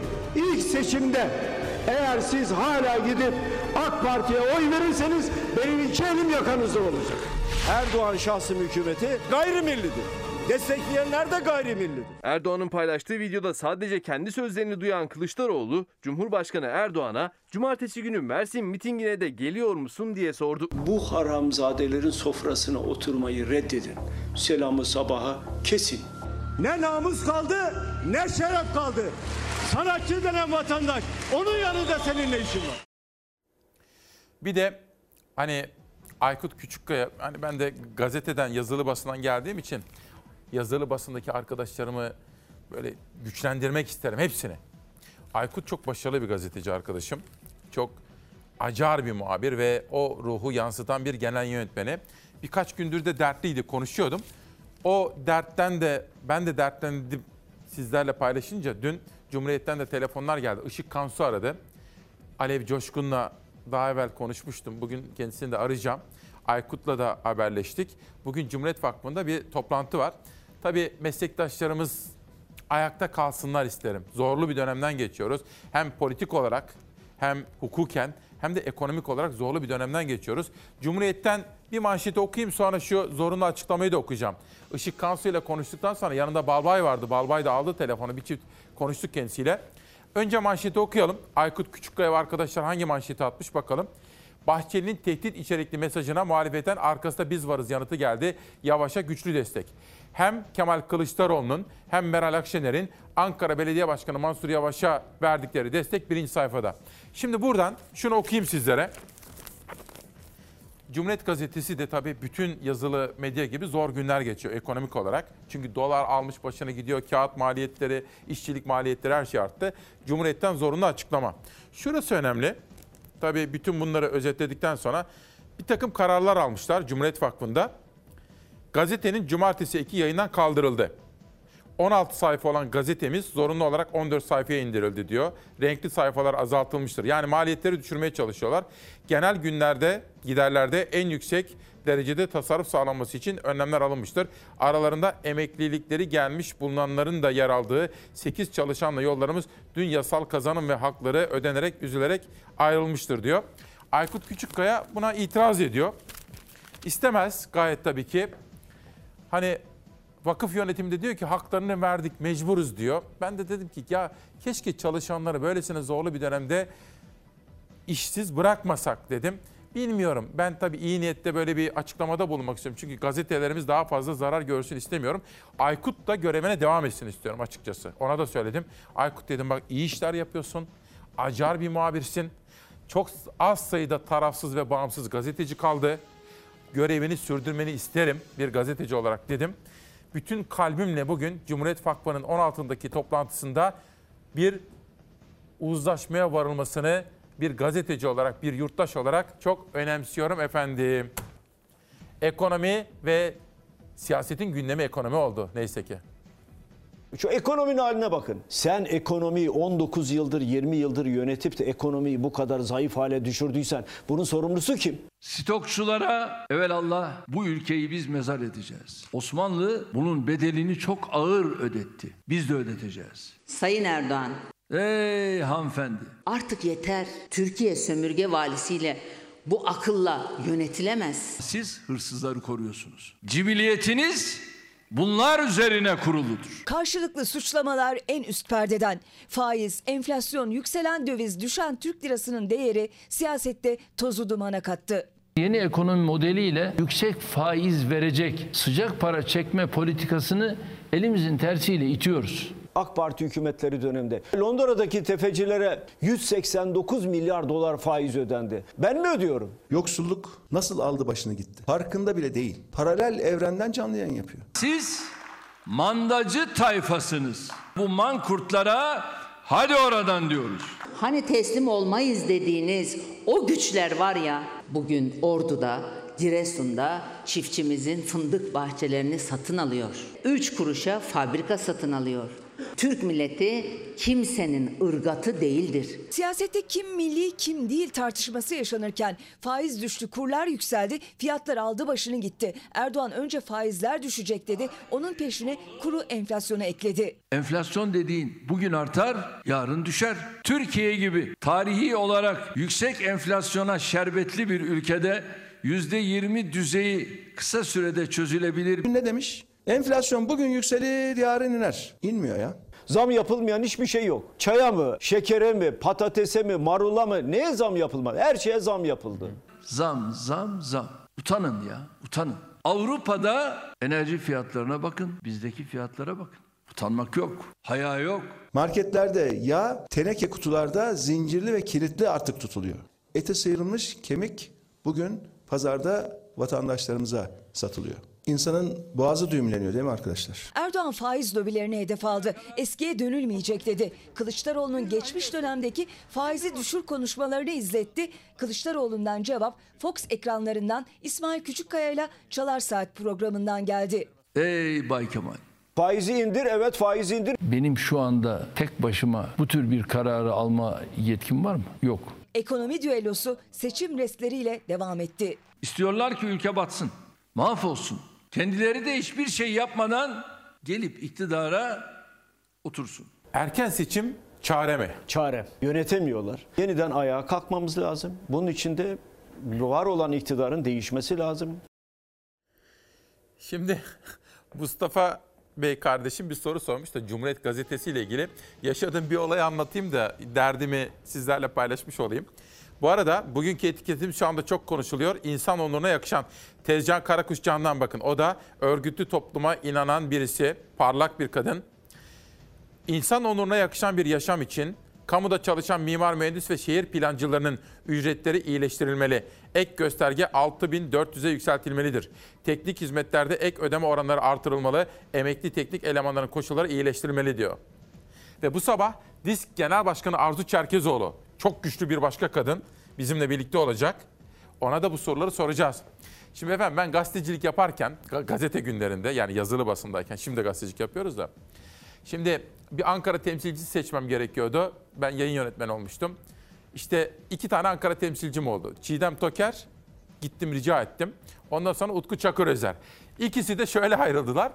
Yanlış hatırlamıyorsam işte Cumhuriyet'e gittiler. Cumhuriyet'ten teklif geldi. İkisi de akşamdan, akşamın Ankara temsilcisiyken çok da mutluyduk ve çok da gündem belirliyorduk. Üstelik yanlış hatırlamıyorsam akşamdaki aldıkları maaşın biraz daha altına gittiler Cumhuriyet'e. Orada her ikisi de hemen hemen aynı cümleleri söylemişlerdi. Ayrı yıllar içerisinde. Bizim evde küçükken annem babam Cumhuriyet okurdu. Biz böyle bir evde büyüdük. Onun için Cumhuriyet'te çalışmak başka bir şeydir bizim için dedikleri için ben de ne diyeyim o zaman hayırlı uğurlu olsun dedim. Çok sevdim o mesai arkadaşlarımı Cumhuriyet'e göndermiştim. O nedenle Mustafa Bey bir soru soruyor da soru bende kalsın. Cumhuriyet'i biraz daha önemsiyorum bir gazeteci olarak. Bütün gazeteleri önemserim. Gazeteler yaşasınlar. Ama oradaki bu emekçi kardeşlerimle ilgili davaya özellikle ilgilenmemin arka planda böyle bir bilgi, yaşanmışlık da var da onun için. Sosyal medyada şekillenen gündem. Yeni Çağ yazarı Ağırel, Murat Ağırel. Bu arada Murat Ağırel dün müydü, önceki gün mü aradı. Yeni kitabıyla ilgili bir takım bilgiler verdi bana. Notlarımı da aldım. Siz Çalarsat ailesine de selamları var. İki defa cezaevine girmiş bir gazetecidir Murat Ağırel. Kimse farkında değil ama kışın ve ardından gelecek hasat döneminde toprakta bir şey bulamayacağız diyor. Doğru söylüyor. Türkiye Ziraat Odaları Birliği Genel Başkanı Şemsi Bayraktar, Kasım ayında üretici fiyatları ile market fiyatları arasındaki farkın 9 kata yaklaştığını açıkladı. İşte bu. Beka sorunu bu. Varlık yokluk meselesi. Murat Ongun, İstanbul'da 100 gram simit 3,5 lira, 250 gram halk ekmek hala 1 lira 25 kuruş. Bakın. Yekta Kopan saat 7.04 ve hava hala karanlık. Sokak lambaları da erken kapatılıyor. Karanlık daha da derinleşiyor. Enerji Bakanı bu sesimizi duydu. Sokak lambaları ile ilgili düzenlemeyi kaldırdı. Şimdi bakanlıktan beklentimiz yaz saati, kış saati uygulamasında saatlerin geriye alınması. Kılıçdaroğlu'ndan Erdoğan'a konuştukça batırıyorsun ülkeyi. Allah aşkına bir sus ya. Vallahi ekonomide bilmiyor diyor. Faiz kendiliğinden iner, borç istediğiniz için vardır. Adamın ekonomiden haberi yok. Bu sözleri Sol Haber'de manşet oldu. Bahçeli'ye AK Parti kazansın diye kendi partinizi ve ülkücüleri tamamen feda etmeye hazırsanız siz artık siyaset üretemezsiniz diyor. Tabii aklınıza şu gelebilir. Her sabah bana da soruyorsunuz. Devlet Bahçeli'nin tutum değişikliğinin arkasında 15 Temmuz olduğunu söylüyor Bahçeli'nin kurmayları. 15 Temmuz olmasaydı böylesine bir tutum değişikliğine gitmezdi bizim liderimiz diyorlar. Ben de size onu aktarmış olayım. Şimdi beni çok etkileyen günün videosu. Savaş bu hazır mı? Peki. Aydın'da 15 yıldır pazarcılık yapan Gülay Gölükçetin, tohumum evde bekliyor. Ne yapacağız biz böyle? Satış yok, gider çok, mazot pahalı, gübre olmuş falan para. Ne olacak halimiz? Şimdi sizler Aydınlı, adınız Gülay Hanım olan bir pazarcısınız ve sesinizi duyurmak istiyorsunuz. Ne yapacağız bu böyle? Satış yok. Gider çok. Mazot pahalı. Gübre olmuş falan pahalı. Ne olacak halimiz? Yani biz satmayınca, kazanmayınca ne olacak bu milletin hali? Yani bir çözüm arıyoruz yani. 100 lira gübre olmuş, 400 lira. Bu ne? Yazık değil mi bize? Ben şimdi tarlayı ekeceğim diyorum. Patatesi ekem diyorum. Ama ekemiyorum. Maliyet yüksek. Tohumum evde bekliyor. İyi kötü iyi kötü. Son şu iki aydır çok sarsıldık. Maliyet arttı ama satış yok. Ne oluyor? Yani benim malım elimde kaldı mı? Bu eriyen çürüyen şey. Ne oluyor? Ben bir tükeniyorum. Bu derece bu kadar yaşamadık biz. Şu 4-5 sene içinden beri yani bu kadar yaşamadık. Ama çok yaşa şimdi şu iki aydır hemen bittik. Ya sırada Melik Gökçekli bir haber var. Çok konuşulur. Bugünden sonra da çok konuşulur. Arkadaşlarım onu hazırlaya dursunlar. Bakın. Zeynep Halbaşı parlıyor. Şöyle bir gösterelim. Yeni albümünü bize imzalı olarak göndermiş. Bugün dinleyeceğim. Sizleri haberdar edeceğim bu konuda. Uğur Çınar'a da Senfonik Türk Müziği. Kendisine de çok teşekkür ediyorum. Bunu da dinleyeceğim. 40 İlknur Artu. Ayasofya'nın asırlar boyunca insanlığa anlatmak istediği mesaj neydi? Ve Özge Doğar'dan Minnina Işıkları Kapama isimli kitap. Bir edebiyat. Ve bir çocuk kitabı. Hop o ne? Seda Öğretir Gizemli Duvar. Alya'nın Dünyası. Resimleyen Öykü Akarca. Bu Seda bizim Seda mı ya? İsmail Küçükkaya sevgilerimle. Seda Öğretir. Çok başarılı bir meslektaşımız var NTV'de. O mu? Öğreneceğim sizlere bilgisini vereceğim. Ama Melik Gökçek'in bu sözleri çok konuşulur. Bir devri sabık yaratmaya mı çalışıyor? Kesinlikle. Yani e, bu tabii kendisinin Sadece Mansur'un idare, iradesiyle olan bir iş değil. Anlatacağım. Ee, benim belediyede geçmişten kalan bol miktarda FETÖ'cü var. Onların özellikle Mansur'a yapmış olduğu bir baskı var. Bir dakika bir dakika. Sizin dönemden kalma mı? Tabii tabii. E niye temizlemediniz onları? Temizledim. Bir kısmı döndü. Bir kısmını da yeni kendisi aldı. Sekreterim Kamil Kılıç. FETÖ'cüydü. Kaçtı gitti. FETÖ'cüydü yani. Bunun artık şeyi yok. Ee, Abi genel sekreter de nasıl FETÖ'cü olur ya? E şeyden önce FETÖ'cüydü. 2014'te ben seçimde gelir gelmez aldım ondan sonra. Ne diyoruz? Bir milat var. Bir milat olduktan sonra Ondan önce FETÖ'cü olduğunu bilerek orada tuttun o zaman. Tuttum tabii. Yani kaç tane FETÖ'cü vardı bende? Yok demiyorum ki ben inkar etmiyorum ki geçmişi. FETÖ'cülerle çalışmadım ben. Onlar benimle arkadaşlık yapmadı demiyorum ki. Böyle bir şey söylersem yalan söylerim. Bizim buradaki e, tartışmalarımızda e, sonra Melik Gökçek itiraf etti. FETÖ'cülere e, kendisi yer vermiş. FETÖ'cüler belediyeyi işgal etmiş. Ben bunu söylemedim. Geçmiş dönemde FETÖ'cü olup benim ayıkladığım adamlar geri döndü dedim. Bu geri dönenlerin içerisinde de şu anda FETÖ'cülüklerine devam ediyorlar dedim. Bu sözler çok konuşulur. Çok ileride karşısına çıkar Melik Gökçek'in onu söyleyeyim. Dün veya önceki gün Murat Ağırel aradığında da konuşuyordu. Uzun uzun anlattı. Yeni kitabımda da var dedi. Gökçek FETÖ ilişkisine dair iddialar bilmiyorum neler yazılacak. Evet tam da tahmin ettiğim gibi bu meslektaşım Seda Öğretir'den gelmiş. NTV'de izlediğimiz, çok sevdiğimiz başarılı bir meslektaşımız. Aynı zamanda bir anne. Ona kitabı için teşekkür ediyorum. Efendim tam yılın bu zamanları. Bakın bu kitapları da şöyle göstereyim. Diskar.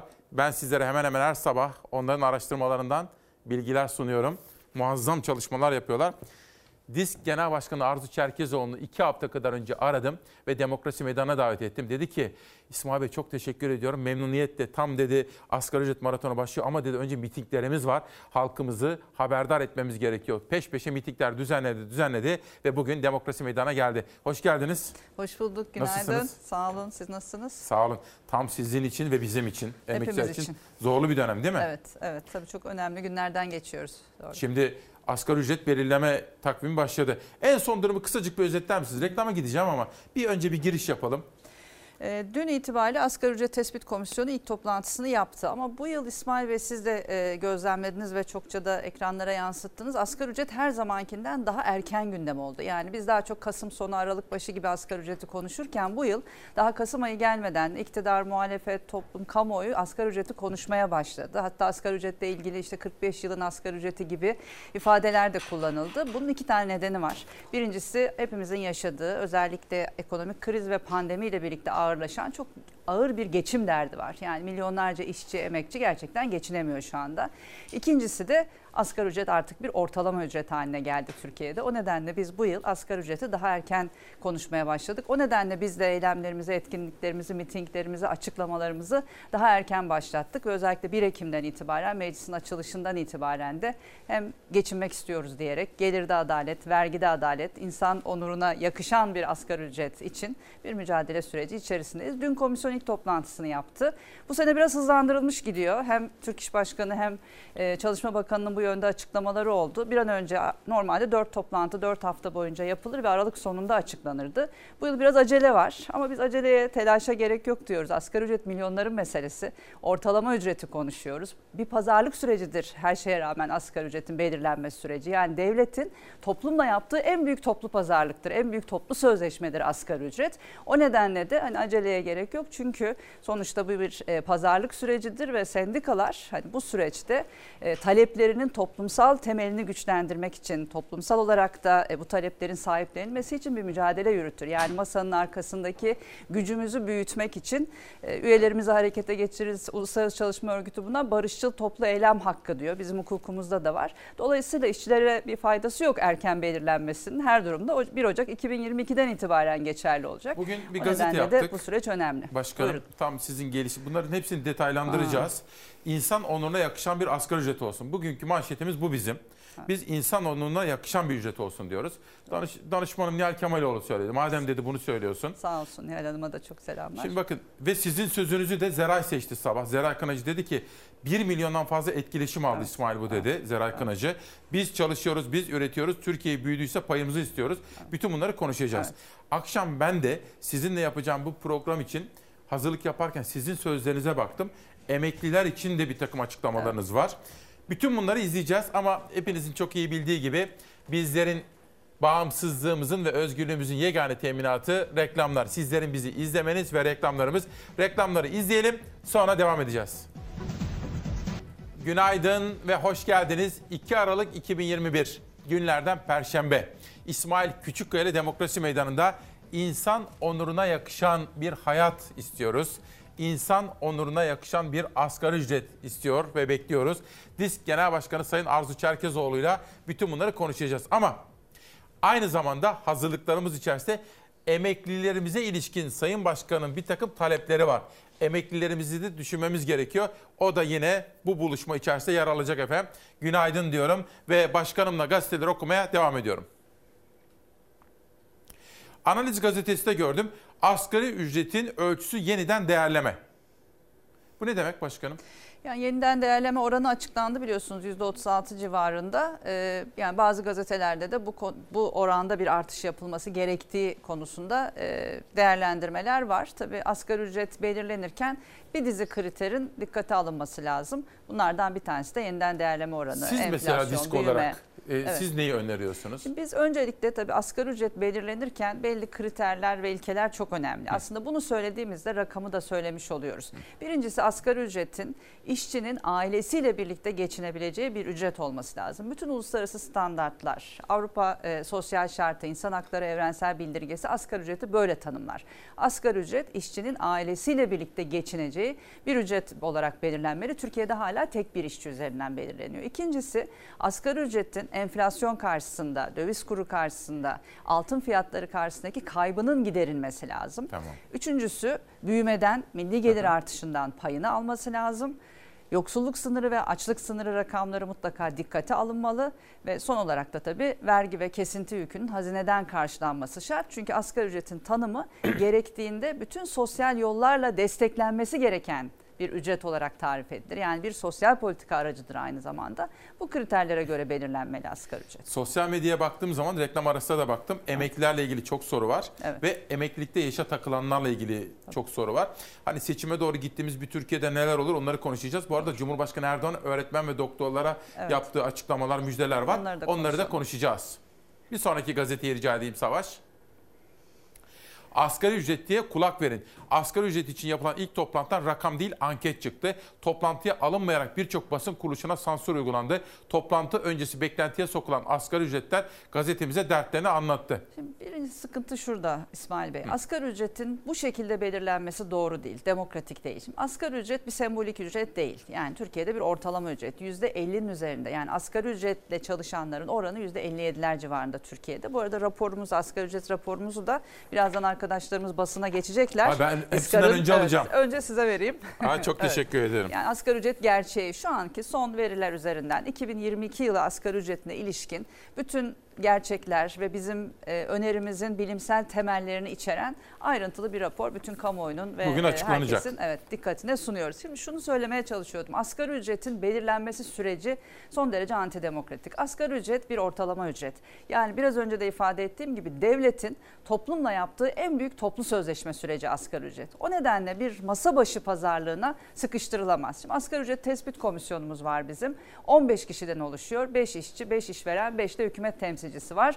Kararlar oy çokluğuyla alınıyor ve karar kesin. Hiçbir itiraz mekanizması yok. Dolayısıyla asgari ücret bu şekilde belirlendiği için her zaman hükümet bloğunun belirleyici olduğu bir süreç söz konusu ve yıllar içerisinde gerileyen, alım gücünü kaybeden, enflasyon karşısında ezilen, büyümeden payını alamayan ve daha yılın ilk aylarında açlık sınırının bile altına gerileyen bir asgari ücret var Türkiye'de. Şu anda açlık sınırı biliyorsunuz 4 kişilik bir ailenin sadece gıda harcaması 3 bin liranın üzerinde ama asgari ücret 2825 lira.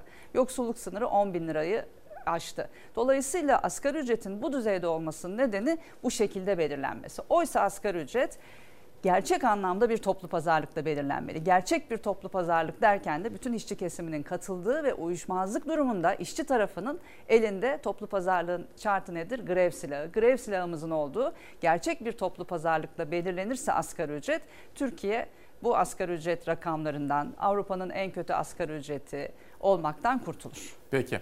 Şimdi değerli izleyenler dün tabii pek çok sayıda kişiyle konuşurken arayanlardan biri de Cemal Kalyon'du. Ya arkadaş dedi izliyoruz her sabah iyi şeylerden de bahset dedi. Cemal Bey dedim iyi şeyler de arıyoruz. Bak dün TMSF Başkanı uluslararası işte o mevduat sigortaları icra kurulundan seçilmişti filan. Başka işte bugün Hürriyet'te haberleri vardı.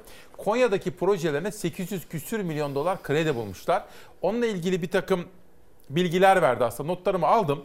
İlerleyen günlerde sizlere oradan bir anekdot anlatacağım. Keza TAV dün Antalya'daki ihaleyi de kazandı. Dış hatlar terminal binası ile ilgili.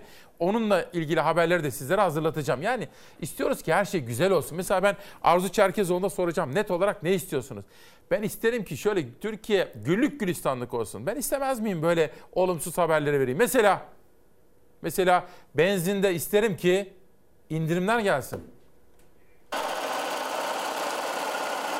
Piyasalarda dolar ve euro dalgalandı. Dolar bir indi bir çıktı. Dün 12 lira 46 kuruşa kadar gerilemişti. Bugün 13 lira 45 kuruşun üzerinde. Tamam var da. Dolar 14 liraya dayanınca dün Merkez Bankası 8 senedir yapmadığını yaptı. Doğrudan döviz satarak piyasalara müdahale etti. Müdahaleyle dolar kuru 13 lira 82 kuruş seviyesinden 12 lira 46 kuruşa kadar düştü. Dolardaki düşüş kısa sürdü. Cumhurbaşkanı Erdoğan kürsüye çıktı faiz mesajlarını yineledi. Dakikalar içinde dolar 12 lira 46 kuruştan 13 lira 35 kuruşa kadar yükseldi. Piyasalardaki dalgalı seyir gece saatlerinde de sürdü. Sabah saat 9.15 itibariyle dolar 13 lira 47 kuruş seviyesinde, euro ise 15 lira 26 kuruş. Altın fiyatları da cep yakıyor. Kapalı çarşıda gram altın 770, çeyrek altınsa 1263 liradan satılıyor. Brent petrol fiyatları ise dünyada omikron varyantının yayılmasıyla düşüşe geçti. 84 dolardan satılan petrolün varili 69 dolara kadar düştü. Bu da akaryakıta indirim olarak yansıdı. Dün motorine 44 kuruş indirim gelmişti. Bu gece de benzine 58 kuruş indirim yapıldı. Şimdi burada Cengiz Bey de diyor ki İsmail Bey diyor asgari ücret ne belirlenirse belirlensin. Dolar, euro böyle oldukça biz erimeyecek miyiz diye soruyor. Haklı. Bunu Arzu Başkan'a da soracağım. Korkusuz. Asgari ücret en az 4 bin lira olmalı. Sendikalar, işçiler ve siyasi parti liderleri böyle diyor. Peki Disk Genel Başkanı Arzu Çerkezoğlu sizin net olarak talebiniz nedir efendim? 5200 lira olmalı net. Bunu da tabii biraz önce size sunduğum raporda da bütün bilimsel temelleriyle birlikte ifade ettiğimiz gibi yani yıllar içerisindeki kaybın giderilmesi, enflasyon, dolar kurunun göz önüne alınması. Yani dolar kuru şu anki asgari ücret kaç dolar diye akşam baktığımda farklıydı. Bugün şimdi yayına girerken baktım 5-6 dolar daha düşmüş. Sürekli eriyor. Sürekli olarak eriyor. Yani alım gücümüzün ciddi eridiği bir dönemde enflasyon, dolar kuru karşısındaki kayıpların giderildiği. Bu arada tabii resmi enflasyona hapsolmayan bir asgari ücret olması gerekti İsmail Bey. Çünkü biliyorsunuz aslında Türkiye'de bütün ücretler hep enflasyon üzerinden yani TÜİK'in açıkladığı enflasyon üzerinden belirleniyor. Resmi enflasyon üzerinden işçi ücretleri, memur maaşları, emekli aylıkları, işsizlik ödenekleri. TÜİK neredeyse Türkiye'de en önemli, en büyük ücret belirleyeni haline geldi. Bir TÜİK'in rakamlarının güvenilirliği işte yarın, ortada. Yarın ortada. Yarın enflasyon, enflasyon rakamı açıklanacak. E, ikincisi de e, TÜİK'in belirlediği enflasyonu belirlerken kullandığı kalıplar asgari ücretlinin dar gelirlinin harcama kalıpları değil. Yani TÜİK'in resmi enflasyonu bile %27'nin üzerinde en son söylenen. Yarınki yeni rakamları göreceğiz ama dar gelirinin asgari ücretlinin örneğin gıda enflasyonu %40 bandında. Dolayısıyla bu süreçte bütün bunları göz önüne alan ve özellikle açlık sınırı ve yoksulluk sınırı. Türkiye'de yoksulluk sınırının 10 bin liranın üzerinde olduğunu düşünürsek bir evde diyoruz biz en azından iki kişi çalıştığı zaman o eve bir yoksulluk sınırı kadar gelir girebilmelidir. Bütün bunlar üzerinden hesapladığımızda 2022 asgari ücretinin net 5200 lira olması gerektiğini söylüyoruz. Hemen bir şey söylemek Lütfen. isterim. Geçen yılda yine sizle de konuşmuştuk. Evet. Bu yıl için yani 2021 yılı için asgari ücretin biz disk olarak önerimiz net 3800 lira olmasıydı. O zaman bize diyorlardı ki ya disk yine işte olmayacak şeyler istiyor. Bakın daha ay bitmedi, yıl bitmedi. Daha bir ayımız daha var. Şu an bizim geçen yıl söylediğimiz, bu yıl için söylediğimiz yani 2 3800 lira rakamının ne kadar gerçekçi olduğunu e, ben değerlendirmesini Hayat sunuyorum ispatladı herkesin. aslında. Evet. Önümüzdeki yıl içinde en az net 5200 lira olmalıdır ve bunun da mutlaka devlet tarafından yani devletin taşın altına elini koyduğu asgari ücretin gerektiğinde ki şu anki gereklilikten daha büyük bir gereklilik var mı? Pandemi var, ekonomik kriz var. Gerektiğinde bütün sosyal yollarla desteklenen yani devletin sosyal devlet olma ilkesine uyarak vergi ve kesinti yükünün hazineden karşılandığı, vergi dışı bırakılan, kesinti yükü de hazineden karşılanan asgari ücretin ve bütün ücretlerin asgari ücret kadarının yani aslında tüm ücretlere 1000 lira iyileştirme istiyoruz. Asgari ücrette en az 5200 net olmalı diyoruz bu süreçte. Başkanım şimdi ben sabahları dört buçuk bazen 5'e doğru kalktığımda hani kanala doğru gelirken ilk arkadaşlarım onu soruyorum. Dolar euro ne oldu diye. Diyorlar ki işte 13.50 eyvah diyorum ya yandık biraz daha fakirleştik ülkem halkım fakirleşiyor. Şimdi biraz evvel ifade ettiniz bizim ana haberimizde de sürekli vurgulanır bu. Selçuk Tepeli de bunu sıklıkla hatırlatıyor. Evet. Siz de söylediniz ya bakın. Evet. Asgari ücret Bu 1 Ocak 2021 işte tablo bu. 1 Kasım'da ve yan tarafta da 2 Aralık'ta işte bakın bu. Başkanım bu aslında Bu şu demek biz yoksullaşıyoruz. değil mi? Yoksul. Dolar yükseldikçe. dolarla mı maaş alıyorsunuz? Dolardan size ne diyor ülkeyi yönetenler ama yani kimse işçinin ekmeğiyle, emeğiyle, aklıyla dalga geçmesin. Yani dolar yükseldikçe biz yoksullaşıyoruz. Başkanım dün sizin bulunduğunuz yerde CHP lideri Kemal Kılıçdaroğlu vardı. Evet. Ona da ben bu soruyu sordum. Hazır mıyız arkadaşlar? İzleyelim ve yorum rica edeceğiz. Sizin son dönemdeki bu yaptıklarınız, söyledikleriniz tabii işte Ankara'da Mansur Yavaş, İstanbul'da İmamoğlu, Adana'da Zeydan Karalar, Evet. Mersin'de Vahap Seçer, Kır, Kırşehir işte Evet. bir sürü belediye başkanı evet. kazandınız. Şimdi Evet. partiniz kazandı. Peki geçtiğimiz yıllarda olduğu gibi bu senede onlara asgari ücret belediyelerde sizin Evet. partinizin yönettiği belediyelerde şu olmalı diye bir şey söyleyecek misiniz? Bir görüşü beyan etmeden önce bütün belediye başkanlarımıza soruyoruz. Böyle bir taahhütte bulunduğumuzda siz bunu ödeyebilecek pozisyonda mısınız diye.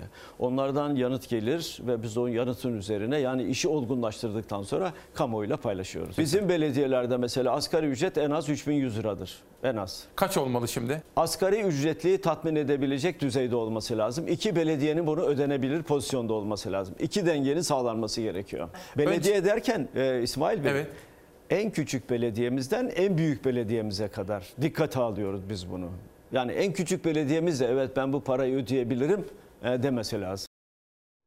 Şimdi CHP lideri geçtiğimiz yıl belediyelerine talimat vermişti. Şunun altında olmasın diye. Bu sene bir parça temkinli. Tabii hesap kitap yapmamız lazım dedi. Belediyelerin de bunu ödeyebilmesi lazım dedi. Tabii gerçeklikler de var değil mi? Hani işveren, işçi o dengeyi nasıl sağlayacağız? Şimdi gerçeklikler var. Evet siyasi partilerin de bu konuda yaklaşımları önemli. Belediyelerle ilgili özellikle belediye e, yönetimlerinin çünkü biz birçoğunda toplu iş sözleşmesi imzalıyoruz ve oralarda daha da yüksek e, rakamlara imza atıyoruz. Olanaklar ölçüsünde kuşkusuz ama buradaki mesele şu e, İsmail Bey. Yani sonuçta bu ülkenin işçisi, emekçisi olarak hepimiz çalışıyoruz. Hepimiz çalışıyoruz, üretiyoruz ve ürettiğimiz toplam değere de milli gelir diyoruz. Ve Türkiye büyüyor. En son 3. çeyrek büyüme rakamları açıklandı 2 gün önce salı günü ve Türkiye 7.4 oranında bir önceki e, döneme göre büyüm- büyümüş. Şimdi bu büyüme dediğimiz şey hepimizin alın teriyle oluyor. Fabrikada çalışan işte işçinin, e, merdiven altı atölyesinde çalışan işçinin, okulda öğretmenin, belediyede işçinin, hastanede sağlıkçının yani hepimizin çalışarak ürettiği toplam değer bu ve Türkiye büyüyor. Biz diyoruz ki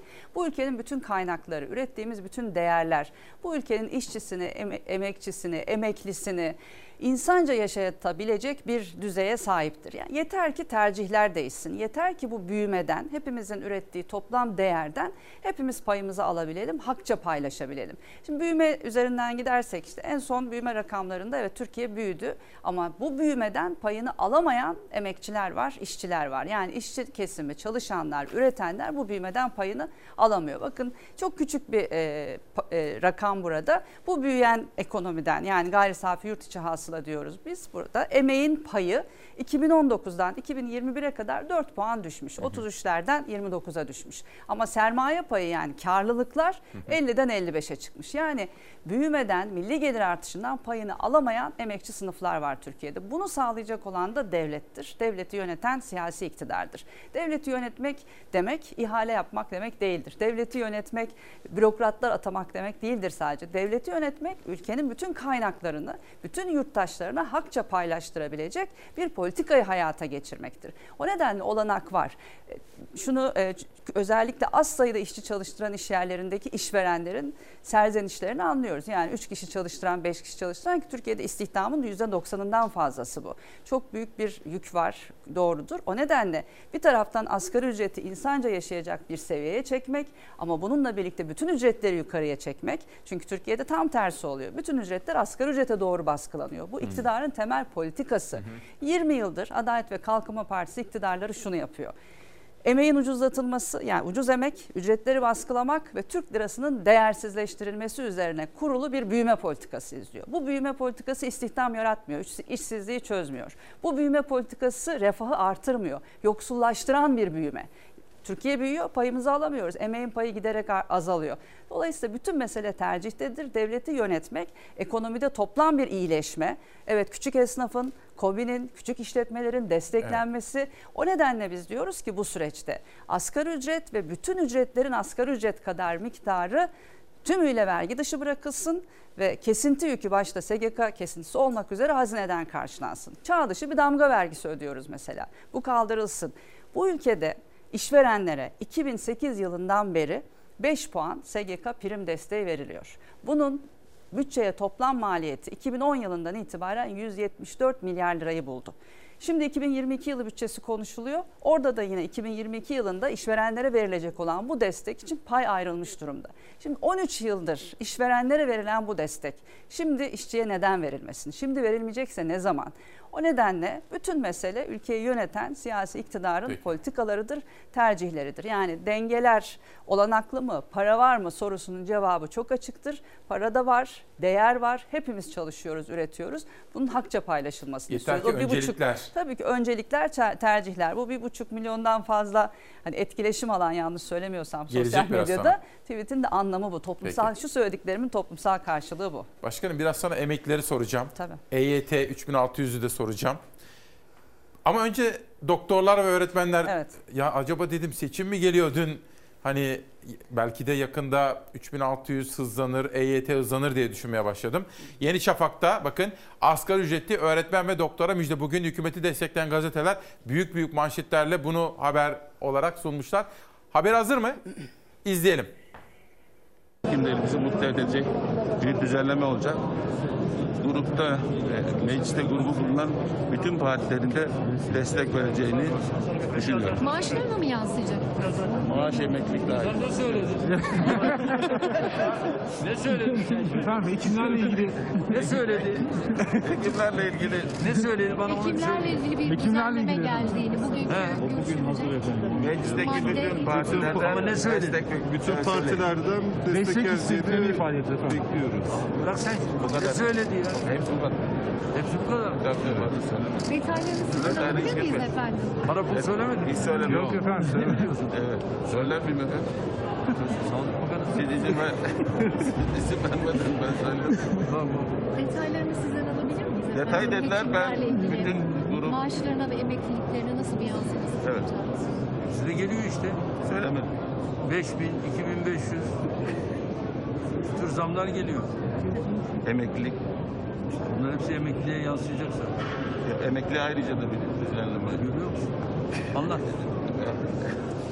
Emeklilikle ilgili pratisyen hekimlere ek gösterge olarak o 17 13 bindi, e, 33 bine uzman hekimler, diş hekimleri dahil olmak üzere e, 17 bin, 40 bin ek gösterge çıkmış oluyor. Bütün pratisyen hekimlere 2500, uzman hekimlere 5000, diş hekimleri dahil olmak üzere bir düzenleme bugün mecliste mecliste bütün vekillerin, Nasıl, grupların desteğini bekliyoruz. Size sormadan diyor sizin olurunuzu onayınızı almadan konuşur muyum söyler miyim diyor. Doktorlar, öğretmenler ama sabah bana yazan hemşireler var. Hem müjde tarafı hem de eksik tarafı. Şimdi Sağlık Bakanlığı'na bağlı çalışan hekimler için bir iyileştirme yapıldı. Güzel. Onun da içeriğini tabii değerlendirelim. Ama e, öncelikle şunu söylemek isterim. Sağlık hizmeti başta sağlık işçileri olmak üzere bir ekip hizmetidir. Yani hepimizin, ben de bir sağlık çalışanıyım. Bütün e, ekibin her bir parçasının belli bir donanımı, yaptığı işin bir değeri var. Ve başta sağlık işçileri olmak üzere hemşireler, tıbbi sekreterler, laborantlar, radyoloji teknisyenleri, hasta bakıcılar, hekimler bir bütün olarak sağlık hizmeti bir ekip hizmetidir ve 7 gün 24 saat bu Türkiye toplumuna, halkımıza hizmet veren bir iş kolu. Bu pandemiyle beraber bu tablo daha da ağırlaştı. Yani herkesin evde kaldığı dönemde virüste burun buruna çalışmak zorunda olan sağlık emekçilerinin evet hakkı verilmelidir ama bir ayrım yapılmadan ben özellikle bu konuda gerçekten bu kadar zorlu şartlarda çalışan sağlık emekçileri açısından üniversite hastanelerinde, devlet hastanesinde çalışan, geçmişte taşeronda çalışıp şimdi kadroya geçen ama haklarını alamayan, son derece düşük ücretlerle çalışmaya mahkum edilen milyonlarca sağlık emekçisi var, sağlık işçisi var. Bu anlamda çok ciddi adım atılmak zorundadır. Örneğin üniversite hastaneleri aslında üniversite dediğimiz zaman topluma öncülük etmesi gereken bir kurumdan söz ediyoruz. İşçi hakları açısından da böyle. Bugün örneğin Hacettepe Üniversitesi'nde imzalanmış bir toplu iş sözleşmesi uygulanmıyor. Veya birçok üniversite hastanemizde Kayseri Erciyes Üniversitesi, Manisa, Malatya üniversitelerinde idareler tarafından da bağlayıcı olan konfederasyonların imzaladığı kamu çerçeve protokolü yani kamu işçileri için bir baz olan bir çeşit asgari ücret olan sözleşmeler bile bu çerçeve protokol bile imzalanmıyor. Yani sağlık işçileri bu pandemi sürecinde gerçekten bunu hak etmiyor bir ekip hizmeti olan sağlık çalışanlarının bütünü açısından bir iyileştirme yapılması. Hmm. Tabii ki asgari ücretle birlikte sağlık işçilerinin e, bu pandemide virüsle burun buruna çalışan, 24 saat çalışan, hastanelerde yoğun bakımından ameliyathanesine hizmet üreten, ameliyathanede yeri temizleyen sağlık işçisinden hastamızın bakımını yapan, filmini çeken, kaydını tutan, hemşirelik hizmetini veren, ameliyatını yapan hekime kadar bir ekip hizmeti olan sağlık çalışanlarına mutlaka bir iyileştirme yap, yapılması şart ama bir ekip hizmeti olması ve hiçbir ayrımcılık olmadan bunun yapılması gerekli. Şimdi sizden gelen grafikler var. Onların üzerinden asgari ücrete bakacağım. Erimeye de bir bakmak istiyorum. Ben bir süredir fizik tedaviye gidiyorum. Geçmiş Orada olsun. emekçi kardeşlerim var, fizyoterapistler. Çok yoğun çalışıyorlar. Evet. Ee, çok iyi eğitimleri de zaten yurt dışına gitmiş çoğu. Benim arkadaşlarımın çoğu dedi, gitti dedi. Ondan Gidebilenler. Yani gidebilenler. Gidebilenler. Çok, Doktorlarda çok da çok sayıda çok istifa fazla, eden var. Geçen var. İstanbul Tabip Odası Başkanı geldi. Ömrümde evet. böyle bir şey görmedim bu kadar doktorun Doğru. dedi. Dün Ankara'dan bir başka doktorla konuşuyordum. Ayhan Güler. İsmail'im dedi psikiyatri bölümüne bakıyor. O kadar çok vaka var ki dedi.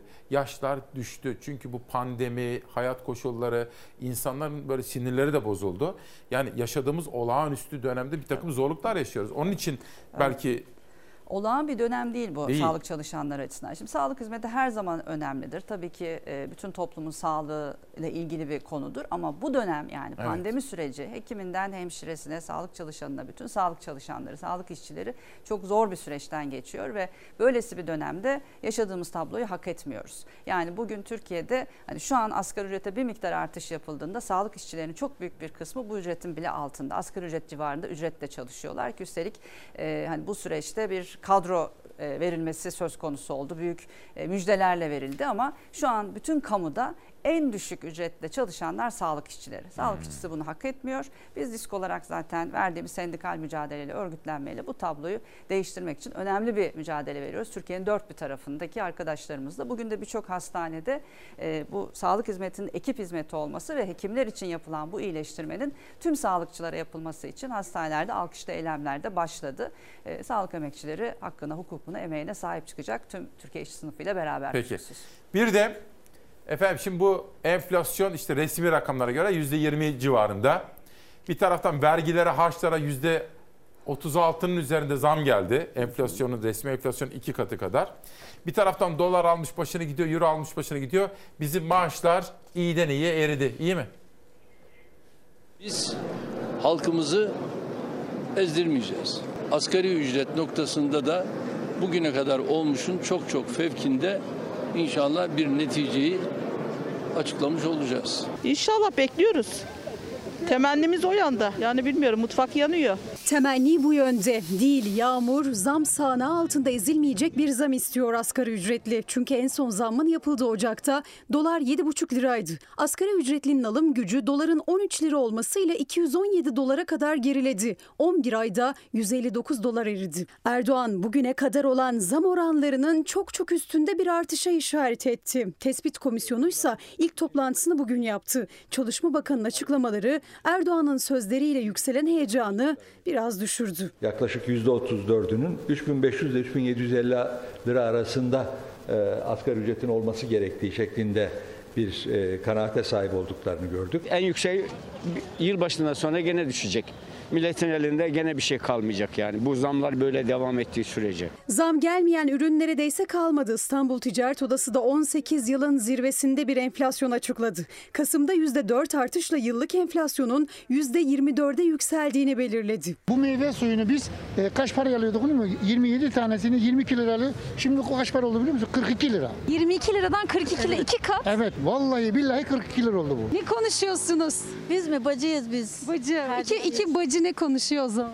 Hayat çok pahalı yani ne bileyim her şey çok pahalandı. Markete gidiyorsun bir hafta sonra aynı şeyler aynı parayı alamıyorsun. Tarihler boyunca simit, işçinin, emeklinin ve öğrencinin yani kısacası dar gelirlinin kurtarıcısı susamlı döneriydi. Son gelen zamla birlikte 2,5 liradan 3,5 liraya yükseldi. Yani artık simit önünde bulunduğum bu heykelde olduğu gibi İstanbul'a dair turistik bir sembol haline geldi ki zaten şu anda tek müşteriler neredeyse sadece turistler. Ben olsam ben yemem üç buçuk lira.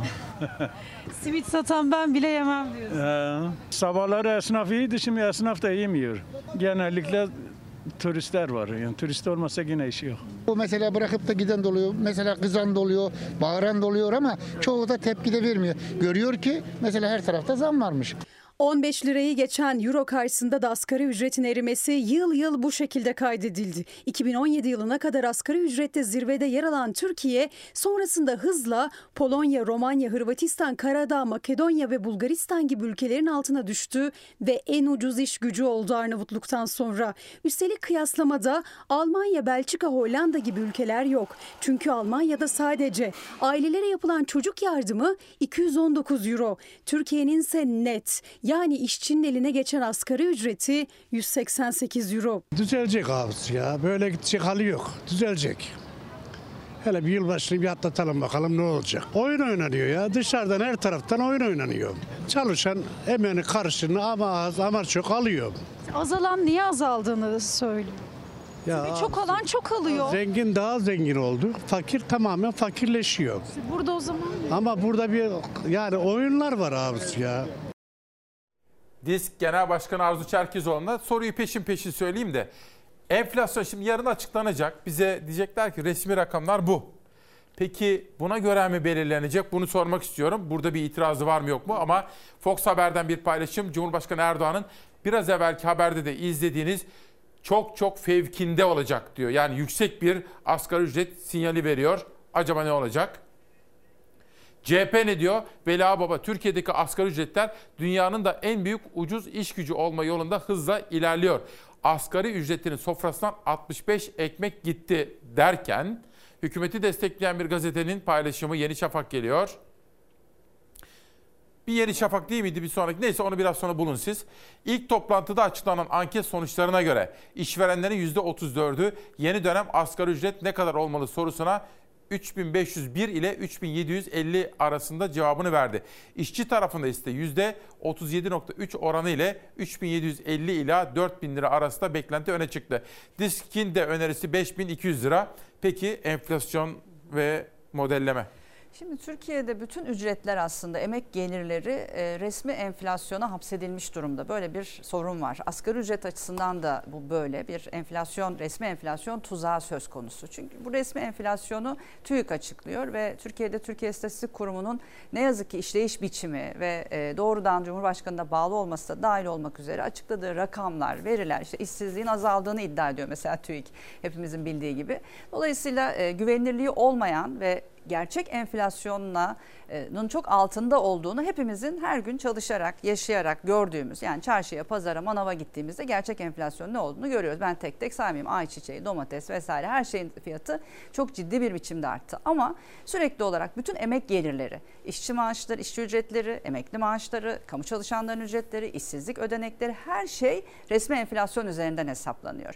Bu da aslında gelirlerin çok ciddi bir biçimde düşmesine sebep olan bir durum. O nedenle gerçek enflasyonun görülmesi ve asgari ücret belirlenirken de bu resmi enflasyon tuzağından kurtulunması lazım. Şimdi yarın enflasyon açıklanacak. Muhtemelen komisyonda bu enflasyon rakamının ki en son 19.89'du biliyorsunuz ortalama enflasyon. Bunun üzerine bir miktar daha iyileştirme koyup örneğin %30'larda bir asgari ücret artışı bile yaptığında oran olarak bu iyi gibi gözükse bile gerçekten olması gereken asgari ücretin çok çok uzağında. Çünkü alım gücü olağanüstü derecede düştü. Pandemiyle birlikte Türkiye tarihinin en büyük gelir kaybını yaşıyoruz. O nedenle asgari ücret belirlenirken sadece resmi enflasyon değil, büyüme büyüme diyoruz. Ürettiğimiz değerden payımızı almaktan söz ediyoruz. Açlık sınırı, yoksulluk sınırı rakamları mutlaka göz önüne alınmalı diyoruz ve mutlaka devlet tarafından desteklenmeli asgari Peki, ücret. e, Savaş bir grafikler vardı diskten gelen. Onları bir rica edebilir miyim?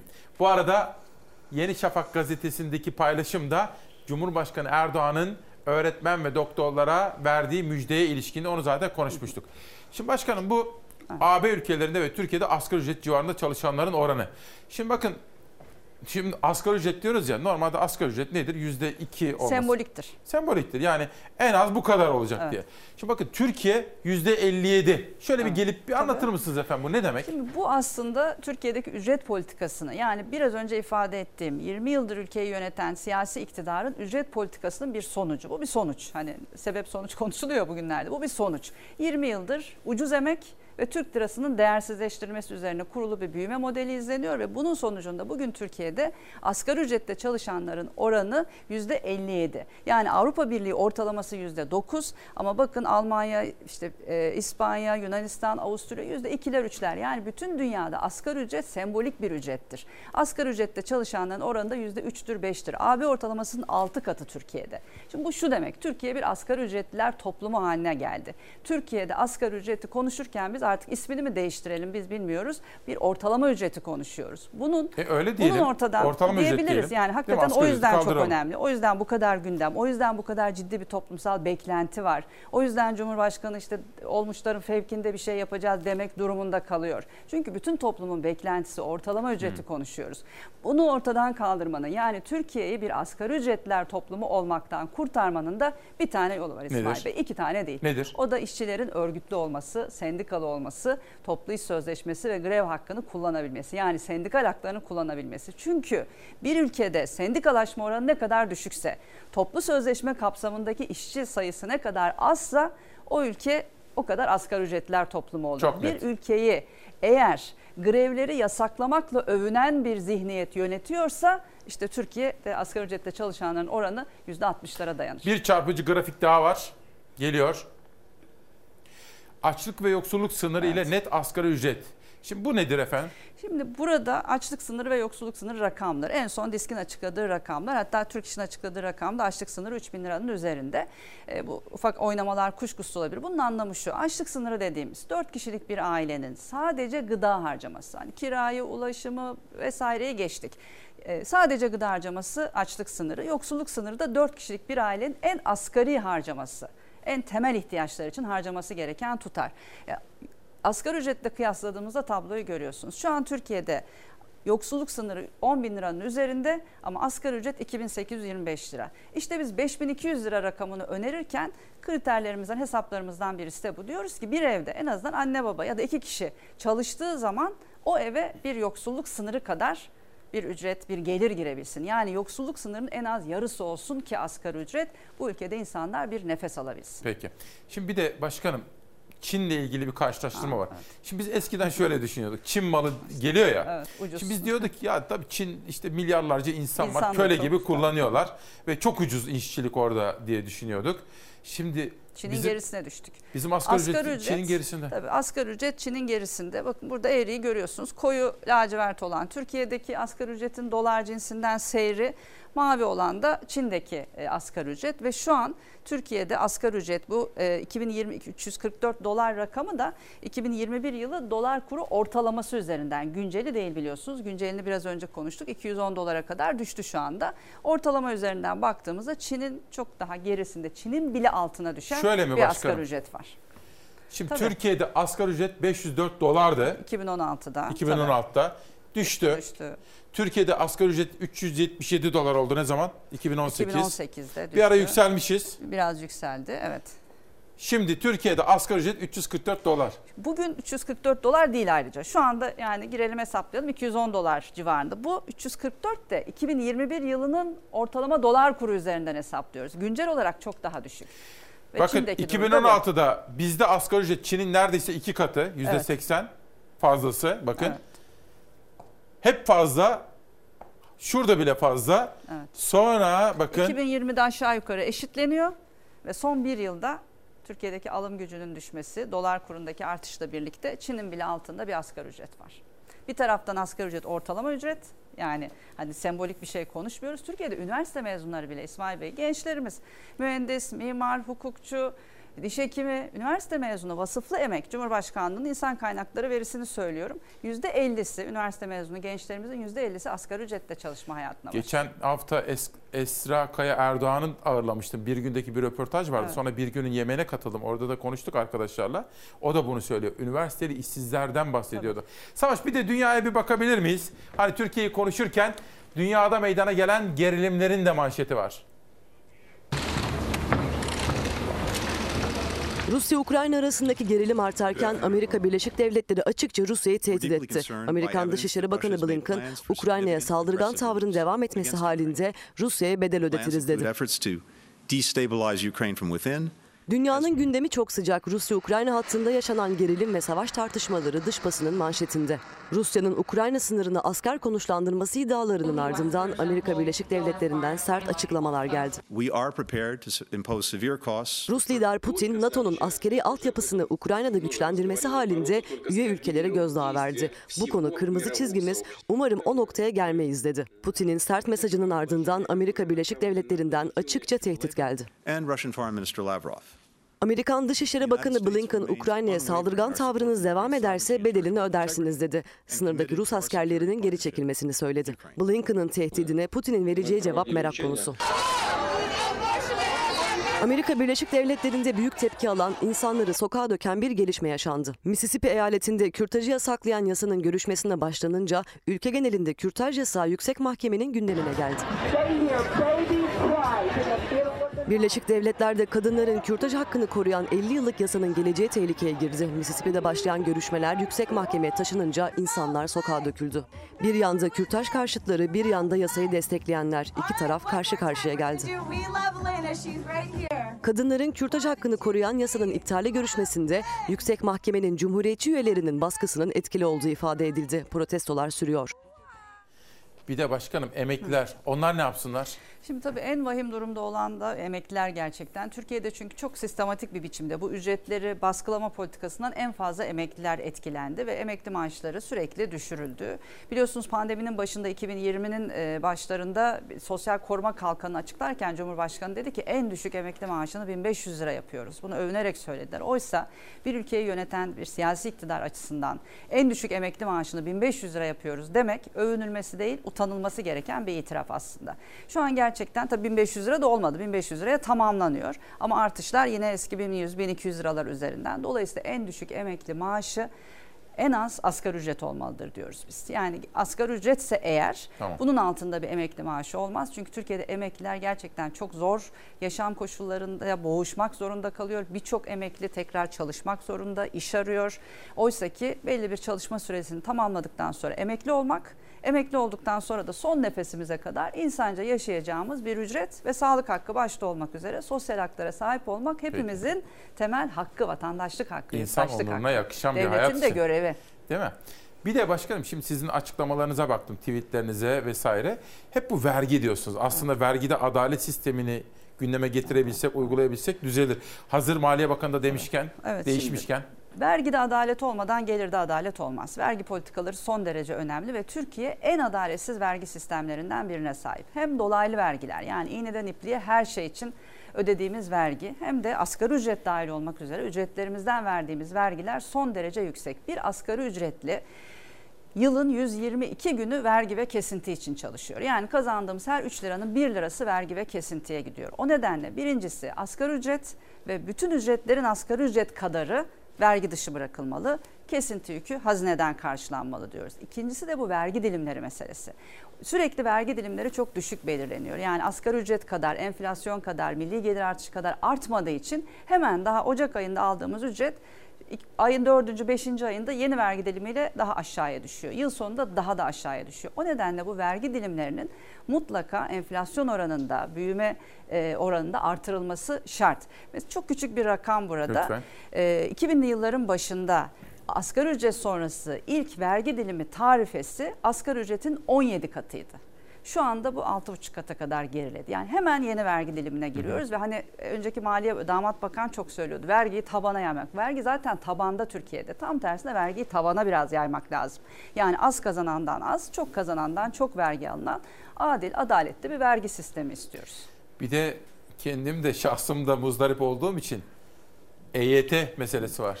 Tabii EYT konusu emeklilikle ilgili yapılan düzenlemeler. Yani bir taraftan e, emekli maaşlarının düşmesi, diğer taraftan da emekli olmak zorlaştırıldı Türkiye'de ve bir EYT mağduriyeti ortaya çıktı. Milyonlarca insan bugün EYT mağduru. Bu mağduriyetin derhal çözülmesi lazım. Hiç öyle çok lafa gerek yok. Emeklilik bir haktır. Bir maliyet unsuru olarak da değerlendirilemez. Yani EYT sorununu çözersek bütçeye şu kadar yük olur diye bakılamaz. Bir maliyet, bir yük olarak bakılamaz. Emeklilik bir haktır. O nedenle de EYT mağduriyetinin derhal çözülmesi gereklidir. Bunun öyle çok e, maliyetle konuşulması doğru değil ama öyle büyük bir maliyeti de yoktur. Bu hesaplamalar ortada. Dolayısıyla EYT'li arkadaşlarımızın biz mücadelesini hem disk ve diske bağlı sendikalar olarak hem de EYT derneklerinin mücadelesini sonuna kadar destekliyoruz. Birlikte mücadele veriyoruz. Bu anlamda EYT mağduriyetinin son bulması için de bir şey soracağım. birlikte Bugün Çalışma Bakanlığı önündesiniz değil mi? Yarın. Yarın mı? Yarın evet. Yarın Ankara'dayız. Çalışma Bakanlığı'nın önünde biz masada yokuz ya asgari ücret tespit komisyonu masasında. Taleplerimizi ve bu mücadeleyi alanlardan, iş yerlerinden büyütüyoruz. Pazarda yarın bir disk miting olarak, var. Evet yarın disk olarak Çalışma Bakanlığı'nın önündeyiz. Sonra asgari ücret raporumuzu Sayın Bakan'a da e, vermek istiyoruz. 12 Aralık Pazar günü de İstanbul'da çünkü bütün işçi arkadaşlarımızdan, temsilcilerimizden çok yoğun bir talep oldu. Bu asgari ücret tespit komisyonu masasındaki görüşmeleri etkilemek açısından işçilerin iradesini ortaya koyalım hep beraber.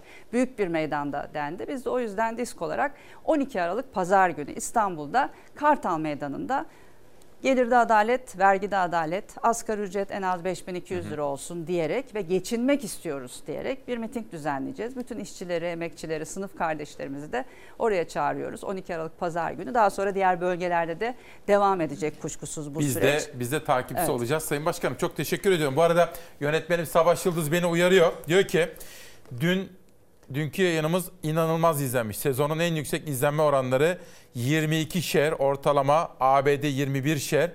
Dakikalıklara baktığımız zaman yer yer her iki televizyon açık iki televizyondan biri yer yer 3 açık televizyondan biri bizi ikisi bizi izlemiş efendim. Bazen biri muazzam rakamlar ve Kılıçdaroğlu'nun kendi hesabında normalde 7-8 bin olan izlenme oranları dakikalık anlık 150 bin. YouTube kanalında da olağanüstü bir ilgi. Bunun politik sebebini sizinle yarın veya ondan sonraki günlerde konuşabiliriz. Bu arada bir gururumuz var. Bakın Bağımsız gazetecilik için Fox Haber'e bir ödül daha. Barış Kaya ile gurur duyuyoruz. Akif Balıkçıoğlu ile gurur duyuyoruz.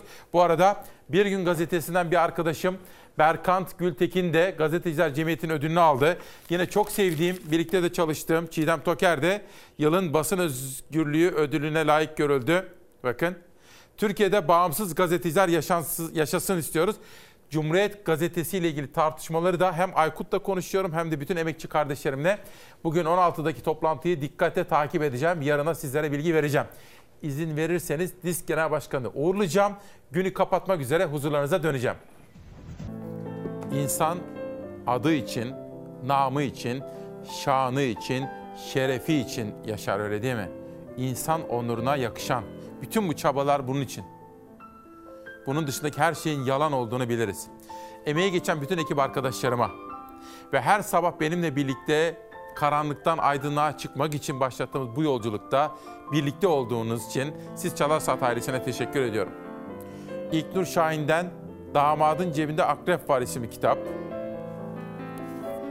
Uykusuzluk Hikayeleri Selçuk Karadağ'dan.